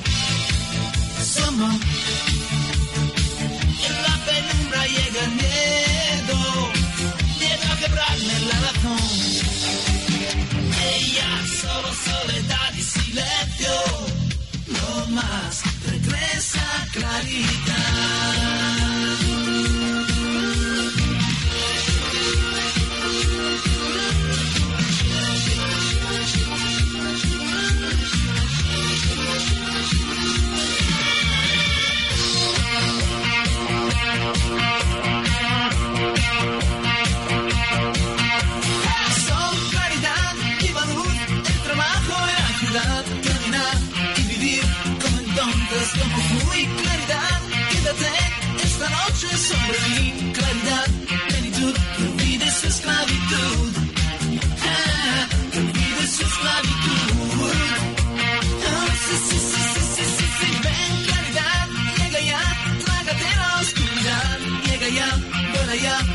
Que el sudor me va a extinguir, basta ya de temblar en la misma cama aquí, necesito la luz, o vuelvo a su esclavitud, ah, o vuelvo a su esclavitud, ven, ven, ven, ven.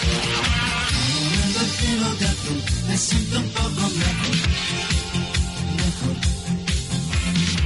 En mi ventana de luz se desdibuja su amor, su amor. Llega el miedo, miedo a quebrarme la razón. Ella solo soledad y silencio, no más, regresa claridad.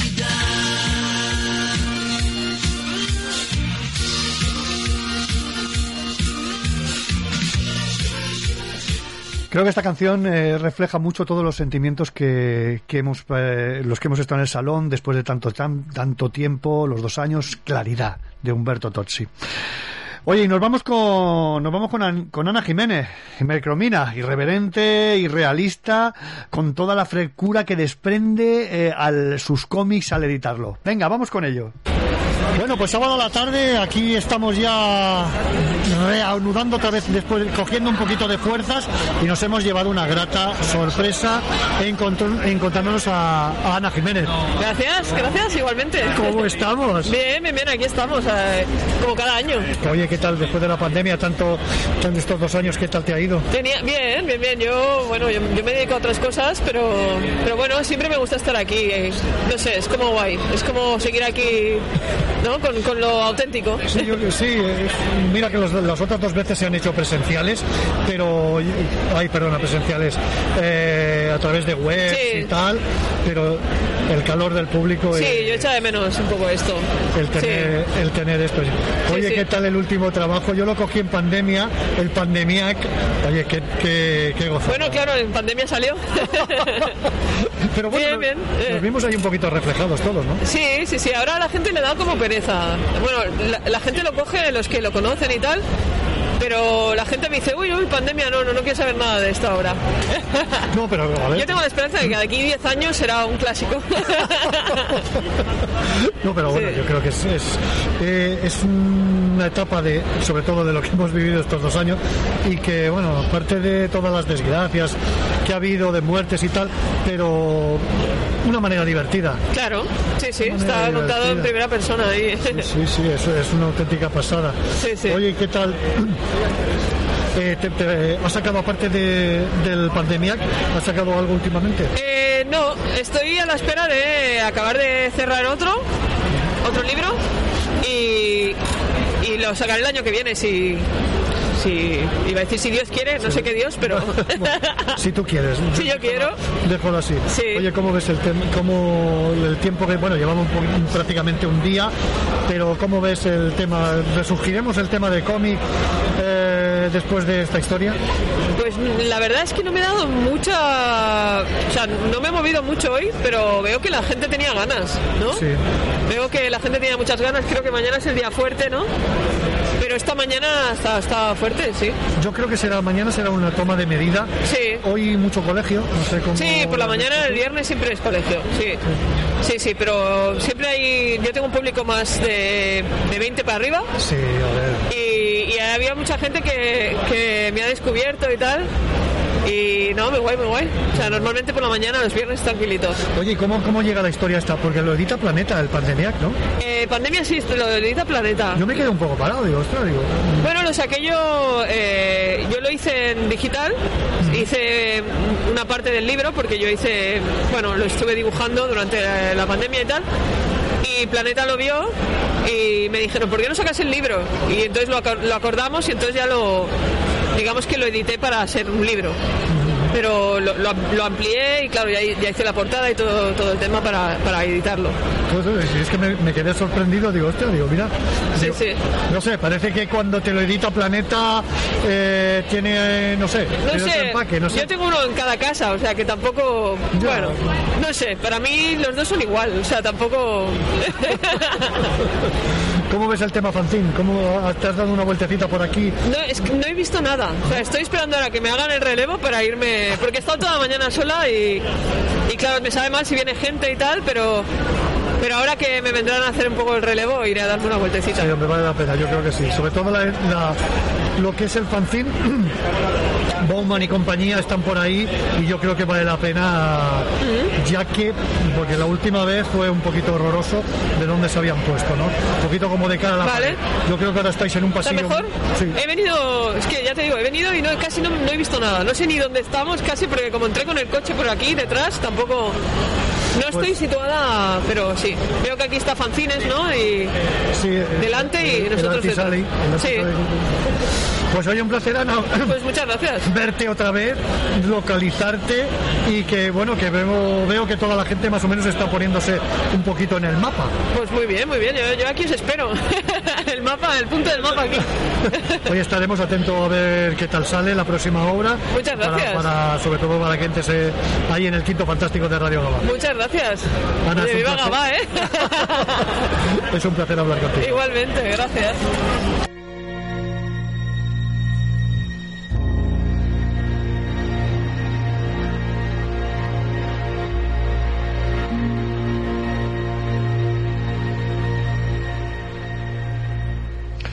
También nos acercamos al, al stand de Norma y estuvimos hablando nada, un poquito con Teresa Valero. Nos explicó las experiencias un poco del salón y sobre todo lo más importante, que vamos a tener continuidad como mínimo dos o tres de contrapaso. Venga, vamos a ello. Bueno, mañana de domingo nos encontramos en el stand de Norma Comics y con una ilustre, con Teresa Valero. ¿Qué tal, Teresa? ¿Cómo estamos? Muy buenos días. Hola, pues mira, muy bien, aquí encantada. ¿Qué tal todo? ¿Cómo, cómo, cómo está el tema después de, de tantos días de pandemia, ahora ya ahora con el salón aquí a tope? Pues muy contentos, la verdad, todos de, de volver a vernos. Ha sido una gozada, un salón, yo creo, de, de los más simpáticos, eh, en los que has encontrado a todo el mundo con, con un montón de ganas de, de ver a los compañeros. Entonces nos vamos con el corazón muy caliente. Sí, yo creo que sí, el aficionado estaba muy entregado. Yo por he hecho algunas colas y tal, y la gente estaba súper entregada con, con los bueno, y los autores, autores y autoras igual, ¿no? por supuesto. Sí, sí, sí, no, yo, yo también, eh, creo que el ambiente era muy bueno y, y sobre todo entre nosotros muchas ganas, muchas ganas de reencuentro con los, con los lectores también. Oye, ¿qué tal Anglumé? Allí. ¿La? Anglumé, ¿qué tal? Ahí el Festival de Anglumé, digo. Ah, de, ah, sí, Angulem. Muy bien, pues mira, bien, pero... mi francés no es Sí, sí, sí, Angulem. Angulem. pero vamos, que es normal. Pues... Pues bien, pero acabamos todos eh, contagiados de COVID, porque Eso claro, es lo que sí, escuché, sí, sí. sí, sí, yo creo que hubo hasta una una variable, variante de estas de, de- exclusiva de allí, porque acabamos todos todos eh, contagiados. Es verdad que igual pasó como aquí, que teníamos unas ganas locas de vernos, de estar en los bares y, Sí que es verdad. y entonces pues bueno, pues una cosa lleva a la otra, no- nos quitábamos las mascarillas porque ya no eran obligatorias y volvimos todos con, con visitante. Bueno, ¿cómo tenemos ya el segundo de contrapaso? Pues mira, ya empezando el dibujo, estamos La la el guion está ya más o menos ahí Sí, cerradito. estoy cambiando algunas cosas, entonces lo que he hecho ha sido no, no perfilarlo tanto a nivel de diálogos y eso como otras veces. Tengo escritas las, las escenas y lo voy como desarrollando, pero ya más en el dibujo. Y, y creo que me está funcionando mejor, así que a ver si consigo hacerlo, hacerlo rapidito. Esto tiene pinta de casi tres o cuatro volúmenes, porque el desenlace, bueno, te da para, para, para mucho, ¿no? Un asesino en serie, un poco muy difícil con los elementos el de la época de localizar. Yo creo que te da, te da para, para dos o tres tomitos, vaya. Sí, yo creo, o no sea, si es tu idea. Sí, en principio tres estaría estaría muy bien para cerrar esta primera historia que tenemos de- del serial killer, sobre todo, ¿no? De darle una, una buena solución. Y, hablar, que es lo que a mí más me interesa, de algunos mm, temas particulares de, de- aquella época. Entonces, El siguiente, por ejemplo, quería hacerlo eh, en el mundo del cine, en el otro, si, tuve, si tengo la oportunidad de hacer un tercero, eh, sí me gustaría hablar de la sección femenina y de algunas otras cosas. Y entonces, sí, mínimo tres, sí que me gustaría. Luego habrá que ver cómo, cómo está la cosa, Cómo se desenvuelve, pues, bien. cómo va, uy, perdona, Nada, nada. cómo va el tema, pero Bueno, pues Pero sí. espe- esperemos que sí. Oye, muchísimas gracias por ha- haber compartido unos minutitos aquí con el quinto fantástico de Radio Gaba. Y bueno, eh, nos emplazamos para el segundo. Esperemos Venga, pues encantada de, de veros siempre de charlar un ratito con vosotros y muchas gracias por estar siempre ahí recomendando cómics, que es lo que, lo que hace falta. Muchísimas gracias a ti, Teresa. A vosotros.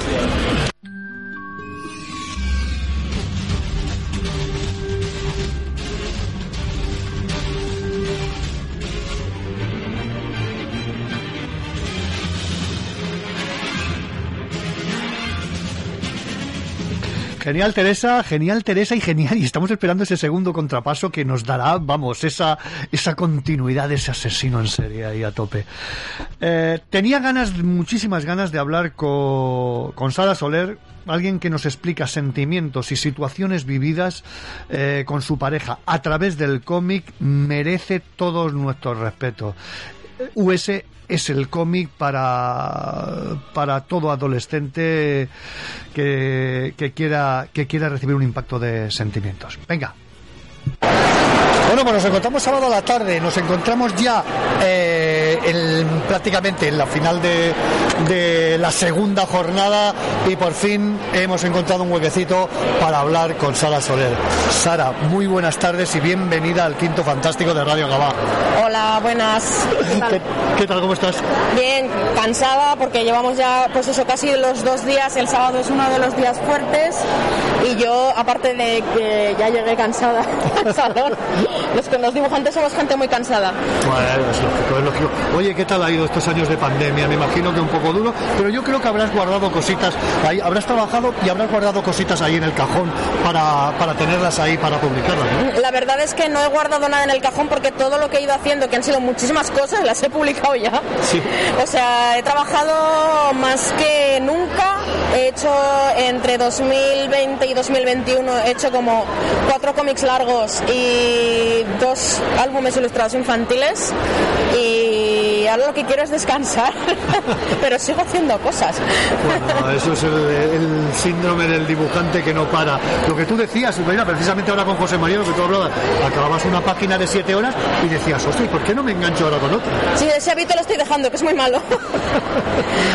Oye, has hecho, has hecho de todo, eh, diseñador de vestuario, escenografía, en la obra Morpheus, en, eh, de Factory Producciones, estudio de animación, con storyboards, en Memorias de un hombre en pijama, hiciste un... La película. Sí, Sí, hiciste sí. de los fondos, ¿no? Hice alguno de los fondos, sí. Y oye, la- ¿qué, qué tal la, la colaboración con Planeta Manga? Pues con Planeta Manga súper bien, porque me dijeron, oye, ¿quieres participar en esto con una historia como tú quieras, lo que tú quieras, eh, libertad total, creativa y tal? Y yo les dije, hombre, por supuesto. Entonces hice dos ninjas lesbianas y estoy muy contenta. Oye, ¿qué tal el... Debutas en el cómic en el 2018 ahí con, el Red, con Red Blue. Sí. ¿Qué tal esta obra? Pues eh, es una obra a la que yo le tengo muchísimo cariño y que me gustaría muchísimo continuar eh, con más historietas y más cosas porque estos personajes de verdad que les tengo muchísimo cariño, pero es una obra que casi nadie conoce, primero porque es la primera y la primera obra de un autor es muy difícil que todo el mundo lo- la vea y la conozca, y segundo porque es una obra que a pesar de que estoy muy contenta de que saliera solo en cata- salió solo en catalán. Me gusta mucho de que haya obras en catalán. De hecho, Astiberri, cuando publica una obra infantil, la publica en catalán, en euskera, en gallego y en español, en castellano. Eh, y a mí me encanta que hagan eso. Pero claro, esta salió solo en catalán, entonces se movió muy poco, se movió solo a... Es que ya no es que se moviera en- a nivel de Cataluña, se movió casi solo a nivel de Barcelona y fue como un poco fiasco porque, claro, no te invitan a salones fuera de aquí, no, es como, fue un poco raro y me gustaría poder conseguir reflotar esta obra de alguna manera. Oye, me encanta sobre todo cómo haces, cómo eh, das ese punto de calidad a todos los fanzines. Tú vienes del fanzine y reivindicas mucho el fanzine. Yo sí, porque cuando el fanzine para mí es una cosa muy visceral. De hecho, íbamos a sacar uno para el Salón de Barcelona, pero salió muy rano. Saldrá próximamente. ¿no? Estaremos atentos ahí. Pero salió ranísimo, o sea, bueno, por temas de, de la edición y la impresión que salió mal y ya no nos daba tiempo a mandarlo de, a imprenta de nuevo y que llegara para el salón. Eh, pero bueno, todo, pero saldrá. Y la verdad es que el fanzine es un formato que me encanta porque es como de lo que yo quiera, ¡pam! y a venderlo. Yo soy muy reivindicativo. Yo siempre, eh, en ese aspecto, sé que es nuestra cantera, el símil futbolístico que siempre digo, pero siempre el que está, está ahí. Oye, ¿y ¿cómo llegas al mercado, el mercado americano? Ahí en Dark Horse, creo que es tu primer pinito. Sí, Dark Horse es lo primero. Bueno, en realidad creo que hice algo para una cosa que se llamaba Comic Experience o algo así, pero no encuentro esa editorial. Me pagaron, pero ni me enviaron los ejemplares, ni. No sé, fue muy raro. Fue como, no sé muy bien de dónde habéis salido ni dónde estáis. Pero bueno, sí, lo primero serio es Dark Horse. Eh, llegó primero por entrevistas del salón. Eh, al salón del cómic vienen muchos editores extranjeros, eh, ya habían visto pues mis portfolios, me dieron consejos y tal, y luego también por medio de contactos pues de agentes, de otros dibujantes que me pasaban correos y tal, la verdad es que guay. ¿Qué tal el, plan, el Plantas versus Zombies? Yo contentísima, o sea, vale que no es una obra así como, digamos, muy seria o muy personal, pero es muy divertido dibujarlo y además está muy bien pagado. Más el mercado americano. El director era, el, perdón, el guionista era eh, Josh Whedon, ¿no? No, de plantas, eh, el de Plantas contra Zombies es Paul Tobin. Eh, de, con Josh Whedon hice una grapa de Doctor Horrible, que es esta serie, película suya que, que tiene así como muy indie, pero que la verdad es que me encantó la hora. Qué, qué puntazo. El, con Whedon, el hacer, dice, hostia, el director de Vengadores. Sí, o sea, está muy bien. Luego han salido polémicas con este hombre que es como de uy. Pero sí, bueno, un poco así aco- acosator el hombre. ¿sabe? Este año que se han destapado muchas cosas de acoso a trabajadores. Ah, Yo obviamente con él no tuve ningún problema porque en ningún momento hablé con él. El guion era suyo, me pareció que estaba muy bien escrito y tal, pero, pero no tuve ningún contacto con él. Y eso, y la obra está guay, o sea, realmente a mí me gusta mucho trabajar en eso. Más, a ver, que te lo decía más como, como anécdota, ¿no? Decir, hostia, el director de Vengadores y tal, pam, en, este, eh, en ese proyecto. Oye, un proyecto de los que siempre estás ahí y demás, voces, eh, voces que cuentan. Sí. Oye, estuviste ahí en ese, en ese proyecto, ¿qué tal? Pues también súper bien. La verdad es que todos los proyectos en los que he trabajado mm, estoy, he estado muy contenta con ellos. El Voces que Cuentan además mola mucho porque es reunir a muchísimas autoras y a muchísimas mujeres contando una situación que tenemos todas en común. O sea, obviamente son much- muchas situaciones distintas, pero todas están fomentadas por el hecho de que el mundo es un lugar muy machista aún. Eh, y hay que concienciarse un poco.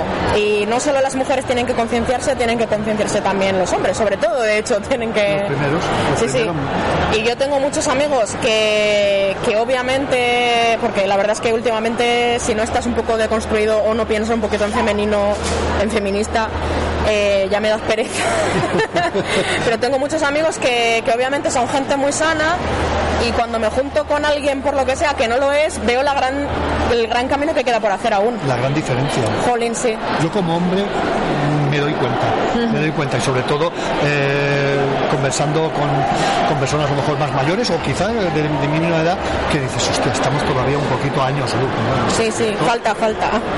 Eh, hoy una hora que, mira, precisamente lo comentabas con José María, que eres una muy polifacética. Ah, ah, Hacías esto, más eh, plantas versus zombies, pero eh, hay una obra que me ha llamado muchísimo la atención y no la conocía, que es En la oscuridad. Ajá. ¿Cómo te llega a ti esta historia? Pues es porque para el Salón del Cómic de 2017 hice unas páginas en blanco y negro eh, con un guion de Harley Quinn y Hiedra Venenosa para presentar a Marvel, DC y eso. Eh, y, y por lo que sea, un editor de Planeta lo ve y dice, me pega este estilo para esta historia. Y, y me cogieron y yo la verdad es que era como de... No, no sé muy bien por qué, porque era una historia que estaba totalmente fuera de mi zona de confort, pero bueno, la hice igual y la verdad es que quedé también bastante satisfecha con el resultado.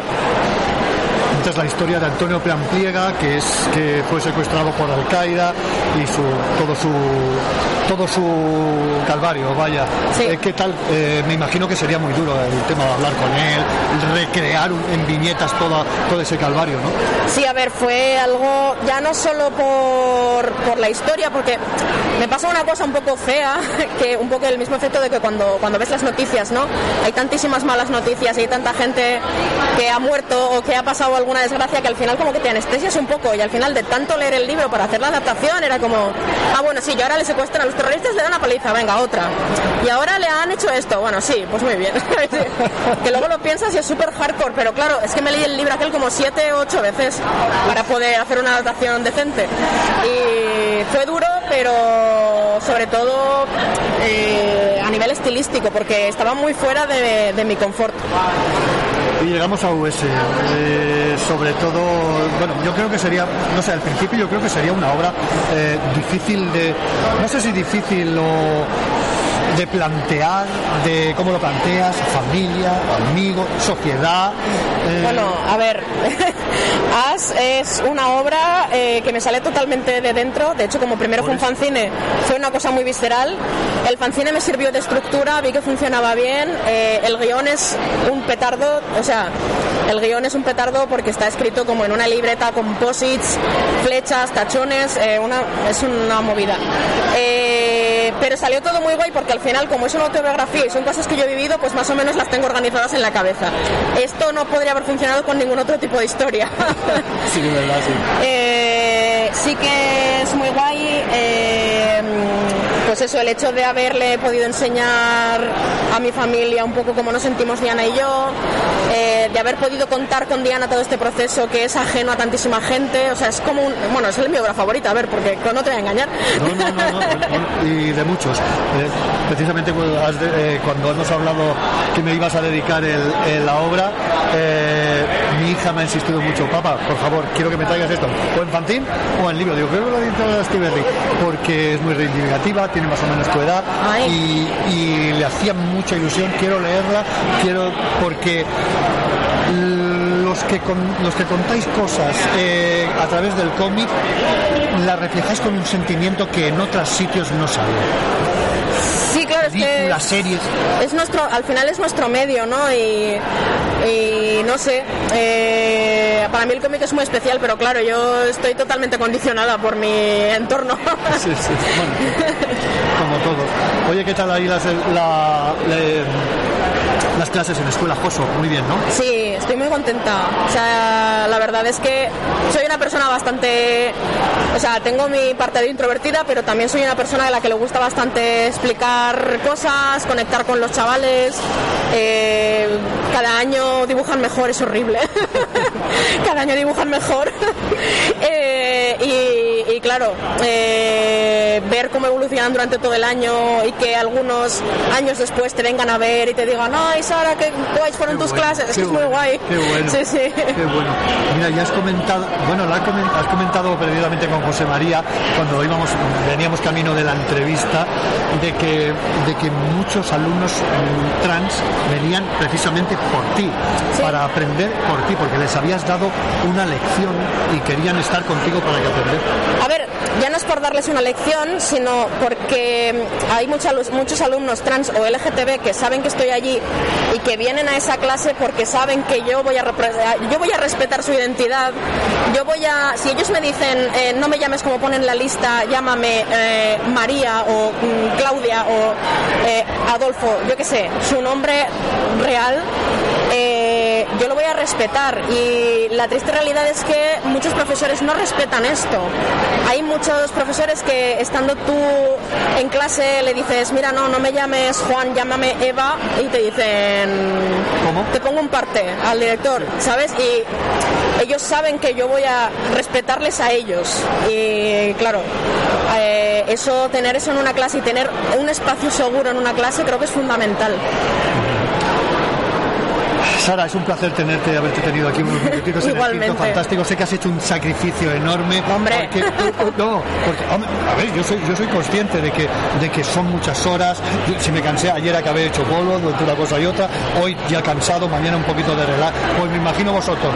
eh, aguantar al- eh, aguantarnos a nosotros, aguant- eh, disfrutar con el fan y sobre todo firmar y demás. eh, yo creo que al final de la jornada llega uno cansado. ¿vale? Eh, muchísimas gracias por estar en el quinto fantástico de Radio Babá. Espero tenerte otra vez, que nos veamos el año que viene o, o- o poder hablar un día en directo allí en la emisora. Seguro, vamos. Muchísimas gracias, Sara. Nada, a ti.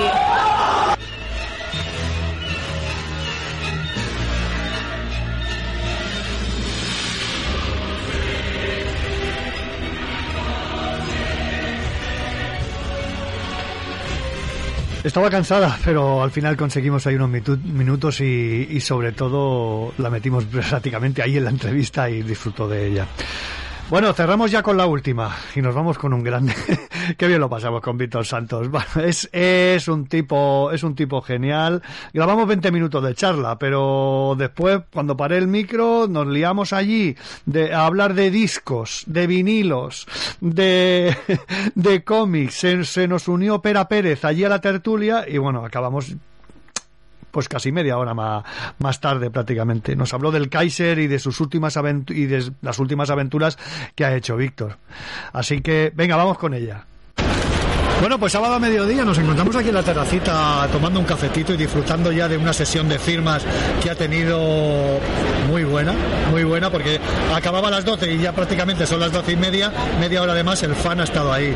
Don Víctor Santo, muy buenos días y bienvenido al Quinto Fantástico una vez más. Hola, una vez más y como si no hubiera pasado el tiempo. O sea, de pronto es como que ha habido una suspensión espacio-temporal y me he reincorporado a la línea, a la línea buena y estamos otra vez aquí los dos hablando. Es increíble porque es que en el último salón también habla- hablamos, no en esta misma cafetería, pero sí, pero sí en otra. Sí, sí, sí, sí, por eso ha sido una cosa muy, muy, muy extraña, pero buena, por una vez buena. Yo creo que el Kaiser Negro influye un poquito en todo esto. Sí, puede ser, puede ser.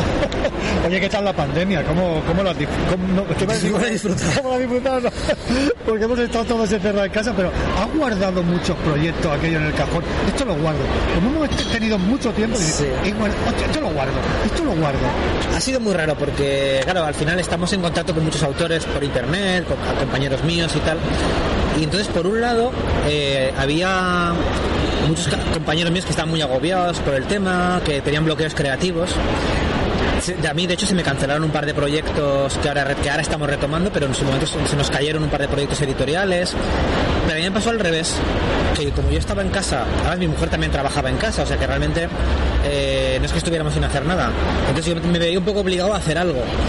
Lo que me pasó es que el crear y trabajar en proyectos se convirtió en, la manera de refugiarme de un poco de la locura reinante de incertidumbre de principio.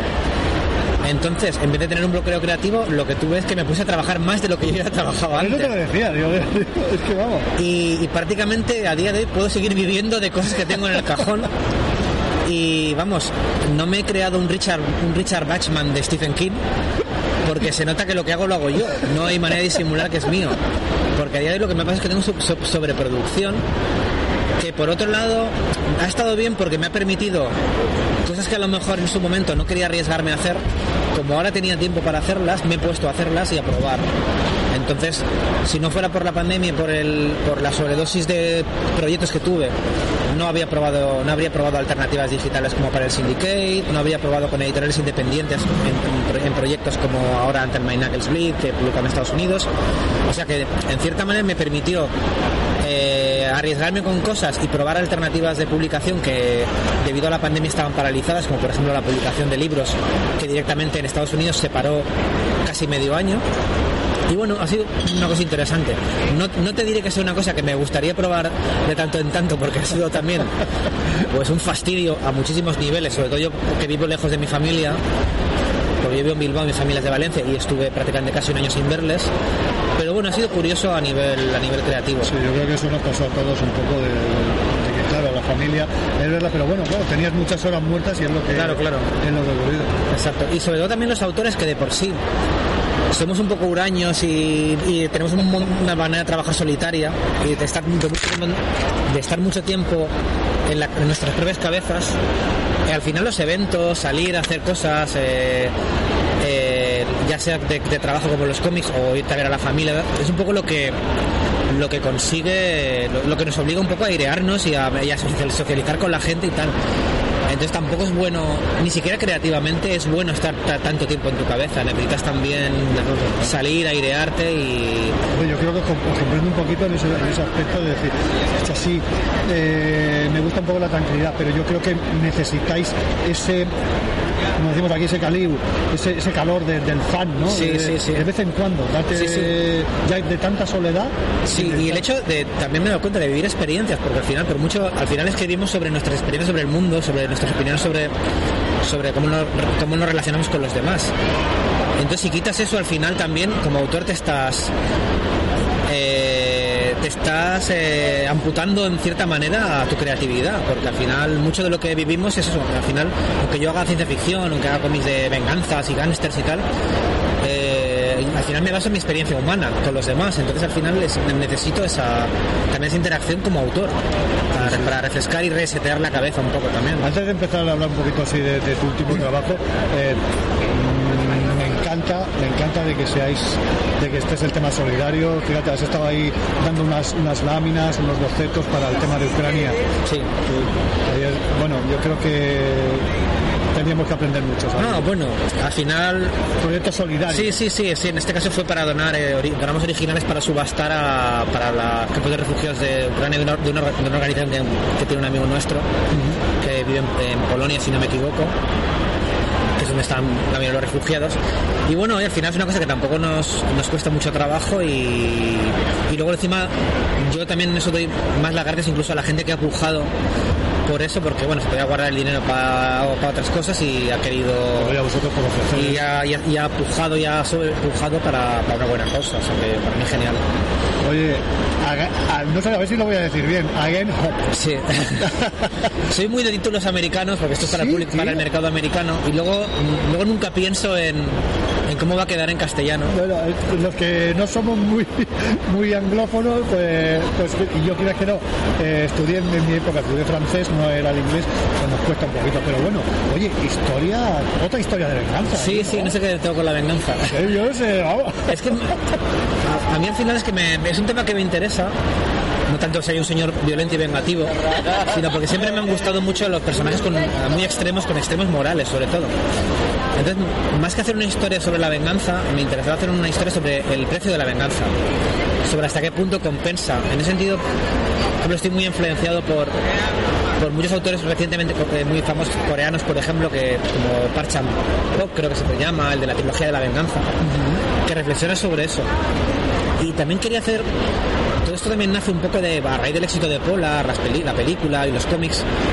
Quería hacer un personaje que fuera completamente lo opuesto a él, porque al final, cuando tienes un éxito así, eh, la editorial y la gente te pide un poco que hagas lo mismo otra vez. Y yo dije, yo, y yo quiero hacer lo contrario, de, quiero, quiero seguir esta línea de acción y de aventura, pero quiero hacer un personaje que sea completamente lo contrario. Entonces, si Black Kaiser es un personaje maduro, un asesino experto, blanco, un señor ahí de origen alemán, ruso-alemán, yo quería hacer un personaje eh, que es Hope, que es esta chica, Hope Walker, que es una chica joven afroamericana que sufre una desgracia, que es atacada por unos nazis de los 80 y es una víctima. Entonces quería, lo que quería era, eh, en vez de crear un personaje mítico, crear la creación del mito. Cómo Hope se convierte de víctima a, le- a personaje mítico, a leyenda. Y esa es, es la historia de ella, de un de una chica indefensa que a través de esa venganza se adiestra y acaba convirtiéndose en la, en la pesadilla de los, de los que de, los que intentaron cazarla, ¿no? Y, y además en esta ha jugado mucho con el, con el cómic, con el formato del cómic y, los recursos del cómic. Entonces, es una historia contada en varios tiempos, en- que va saltando como, como la aguja de un disco, roto, que va saltando del presente al futuro eh, aleatoriamente, pero usando el estilo de dibujo para que tú sepas en todo momento si estás en el pasado, en el presente o en el futuro. ¿Cambias de color o algo ahí? Sí, cambia. Es curioso porque la parte de los 80 está como con aguadas, con colores terrosos. La parte de los 90 tiene un color digital. Y luego hay pequeños saltos al- a la, a la infancia de ella, con estilos de color diferentes. Aunque lo indico con, en el cómic con los 90, los 80, pero, pero la, la, la gracia un poco de la historia es que se va mezclando lo que le hicieron a ella con lo que ella, con la venganza que ella toma eh, después y el precio que tiene que pagar ella por, por- ejercer esa venganza contra la gente que mató a su novio, que la intentó matar a ella. Entonces me parece interesante poder, poder el cómic precisamente, el poder que tiene de, de, super, de superponer tiempos y, y texturas y, ¿sabes? y estilos. Es que eso nos atrapa mucho al lector. Que tú te- estés haciendo una transición 90, 90 y tantos, 2000 y lo tengas en un color, trabajes en unos colores y de repente nos pases a un recuerdo, a unos 80 y nos lo cambies totalmente, yo creo que eso nos llega. Claro, porque además en el cine, a- veces siempre parece que el cómic es el hermano pequeño y pobre del cine, pero no es así, porque el cine, por ejemplo, puede utilizar ese recurso, pero es forzado. Se, le, se percibe como algo muy esteticista, muy. Ya es, choca un poco al, al espectador. Pero el lector del cómic, como está viendo dibujos, lo tiene súper integrado. Entonces puedes jugar mucho con eso, con incluso con el estilo del entintado, puedes volverlo más sucio, conforme la escena se vuelve más desagradable, cambiar las texturas. Y es una cosa que, que en el cómic es súper natural y el lector lo percibe y lo asimila de una manera muy natural y, y te permite una serie de, de- de registros y de recursos que, que- que ningún otro medio permite. Es que es una pasada, bueno. Yo siempre, y yo siempre digo que estos guiones de venganza, de, de- de- estoy ansiado por leerlo, que lo he comprado ahora hoy en, en Norma, y estos cómics de venganza, y sobre todo, llámame viejo, llámame boomer, con iconos de los 80, me mata. Sí, sí. matan. A- aparte, yo creo que es una cosa muy práctica, porque siempre digo que los móviles se han cargado eh, el peligro. y cuando he hecho alguna historia ambientada en el presente, por ejemplo, recientemente Moon Eaters, que le acabo de terminar para, para, para Spaceman Project, que es una historia también de, de dos personajes atrapados en un, en un motel rodeados de una secta que quiere ir a por ellos. Muy también muy, muy, muy homenaje a, a Asalto a la, a la comisaría del distrito 13 de Carpenter. Pero está ambientado en el presente y los, y los móviles son un problema muy gordo para esa historia. Entonces he tenido que hacer algo. ¿Porque los tienes que quitar? Claro, porque los personajes atrapados, en el momento en que un personaje dentro de la casa tiene un móvil, ya puede comunicarse, ya, ya no deja de estar atrapado, puede llamar a la policía. Entonces, para, para la historia de Against Hope, que también tiene que jugar mucho con el con este concepto del de la caza humana, del malvado Zaroff, de blanco humano. Eh, claro, el móvil era un problema. Entonces, el hecho de ambientar en los 80, además, los 90, además con- en los 80 con el auge de. También hubo un auge del, del neonazismo y tal, que desgraciadamente ahora volvemos a recordar.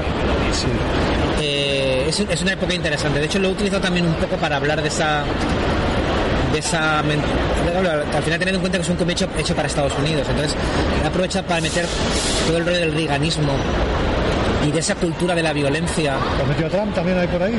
no, he metido a Reagan Vale. porque es los, los, es los 80, ¿no? Entonces, están viendo discursos de Reagan.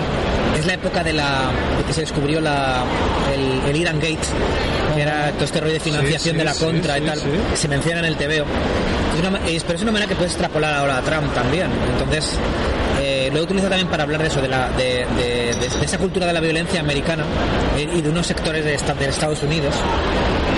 Entonces, aunque yo siempre utilizo historias muy sencillas de acción, de venganza, de pues, alguien se venga, alguien lucha contra el mal, pero siempre me gusta meter esos pequeños detalles de, contexto, de, pues en este caso eso, de el riganismo, el neonazismo y todo ese tipo de cosas que, bueno, que, son muy de la cultura americana, pero que por otro lado también nosotros hemos, como decías bien, como boomers hemos vivido, porque al final en los 80 eh, es la cultura que hemos mamado y es la cultura norteamericana. Así como los, los- la gente posterior ha tenido influencia de otras culturas como la asiática o la japonesa también, ahora la coreana es la que, la que lo parte.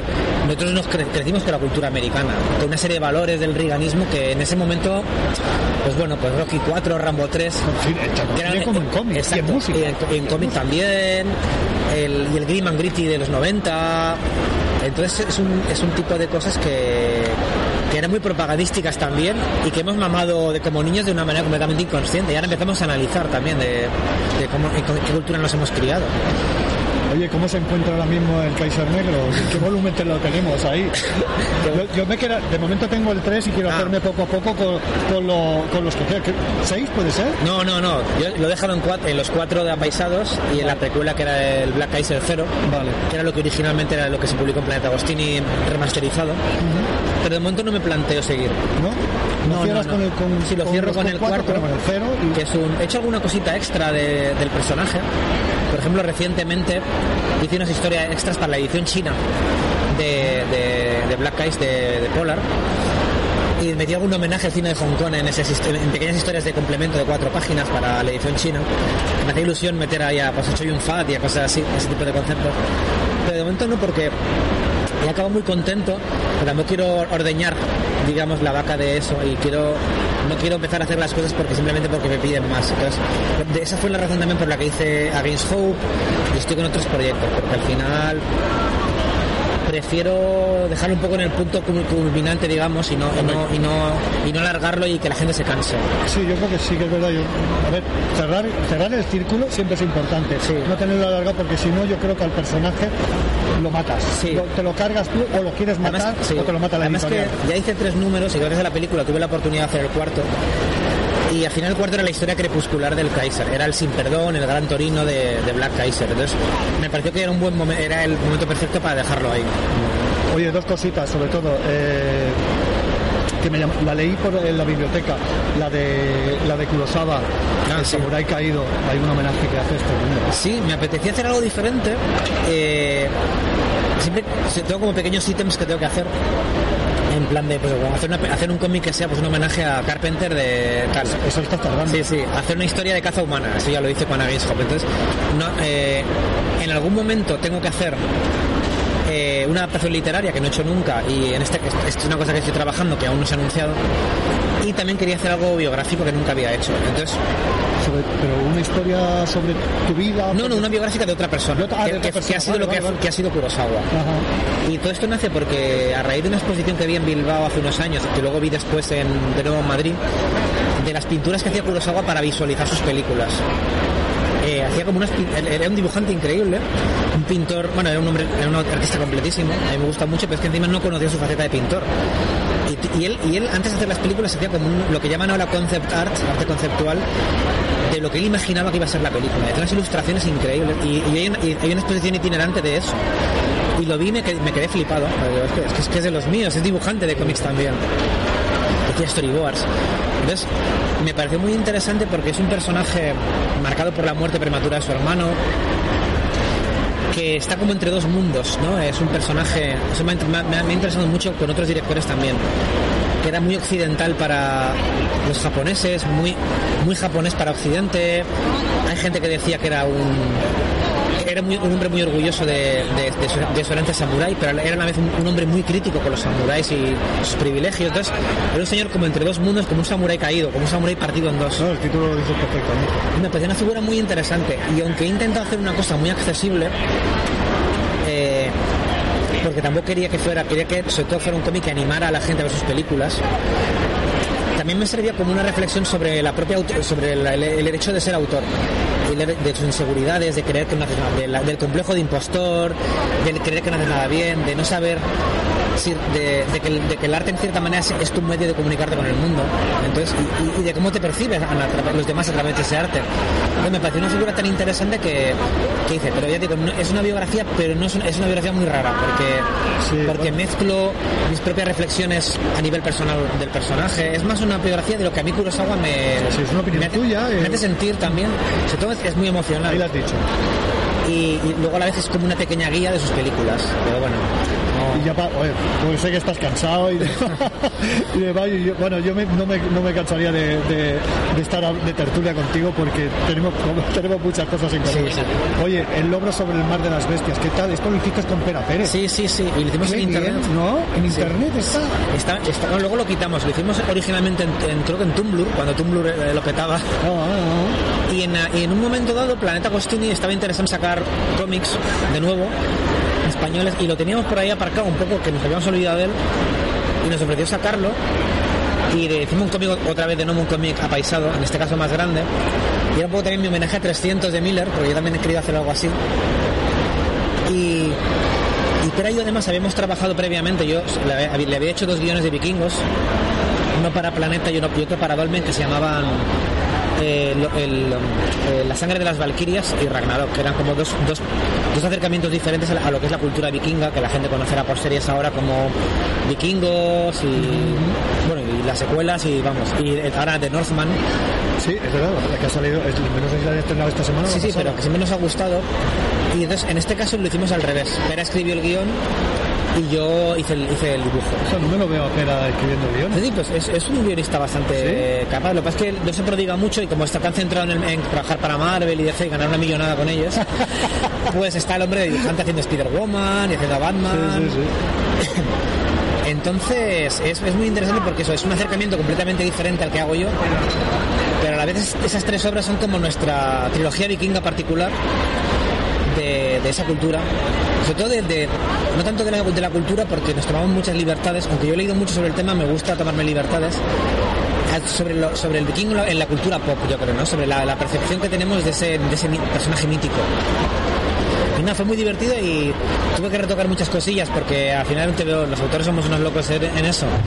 Y ahora con el ordenador es muchísimo más peligroso porque el podemos hacer retoque digital y nos podemos convertir en, unos George Lucas locos que estemos todo el rato revisitando y retocando nuestra propia obra en una espiral de locura.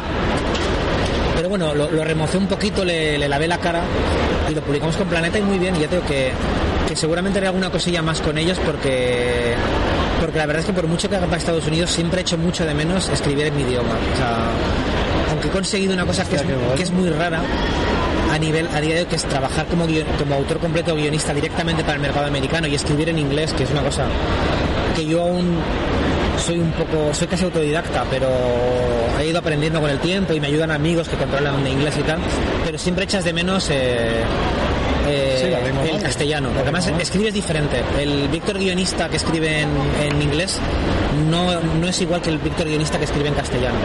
Yo creo que eso, es- eso tiene que pasar porque tú tienes unos conceptos de cara Sí, sí, sí. a según qué situaciones hay una manera de llamarlo. Sí, sí, y el, el ritmo, el, son, son idiomas diferentes, con sonoridades diferentes, el, el, el inglés es seco y bien- encaja muy bien con el género negro porque seco, es, es abrupto. Siempre, cuando hablo con americanos siempre, siempre digo, me da la impresión de que soy mal educado con vosotros porque en el castellano tenemos maneras más sutiles de decir algunas cosas y parece que somos- soy muy directo. Y influye, y la cultura es muy diferente. es- siempre es muy interesante volver a los orígenes y yo me considero autor español y, y es mi lengua y me gusta. Pues me oye, gusta. o sea que en cuanto ahorro un poquito de los americanos y tenga, me pueda permitir unos Ahí meses de Ahí está. y- in- invertir en invertir en, en el cómic patrio. Víctor, es un placer hablar contigo. Agradecerte también otro, deta- otro detalle aquí que tuviste con el, el homenaje que hiciste a Walter Simonson con el X Factor aquel de la Ah, sí, sí. Genial, a mí me mató. Sí, sí, sí. A mí me Yo mató. siempre nu- nu- nunca he negado eh, de dónde vengo. Es decir, de, a mí me han, me han influido un montón de autores y, y- y he aprendido directamente robando de ellos y copiándoles y aprendiendo de ellos hasta formar un poco mi estilo, que es un poco una suma de lo que me- ellos me han enseñado. Entonces, nunca voy a negar a quién homenajeo y de quién he aprendido. Eso en España y en Estados Unidos y en Japón somos al final el resultado de nuestras lecturas y de, de- no solo de nuestra experiencia, como te contaba antes, sino también de nuestras lecturas. O sea que eso siempre.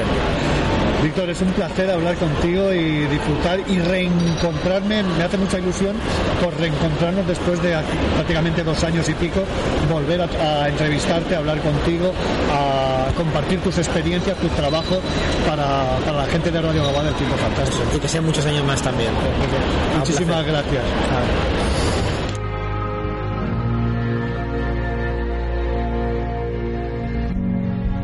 Bueno, eh, genial, genial ahí Víctor Santos. Es- ha sido muy entrañable hablar con él, que tenía muchas ganas y bueno, el reencuentro fue, fue espectacular. Bueno, dejamos cositas para la semana que viene, si es que grabamos un montón de cosas porque todo el mundo estaba muy entregado y todo el mundo estaba dispuesto a ofrecer su granito de arena y su opinión sobre este salón del cómic, sobre sus trabajos y, demás, vaya.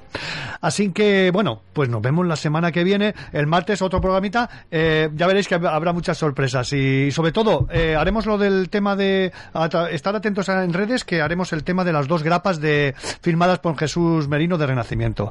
Así que nos vemos. ¿Queréis leer un come por la radio? Aquí, el martes que viene, en Radio Gaba. Gracias. El próximo programa, amiguitos, y no olviden supervitaminarse y mineralizarse.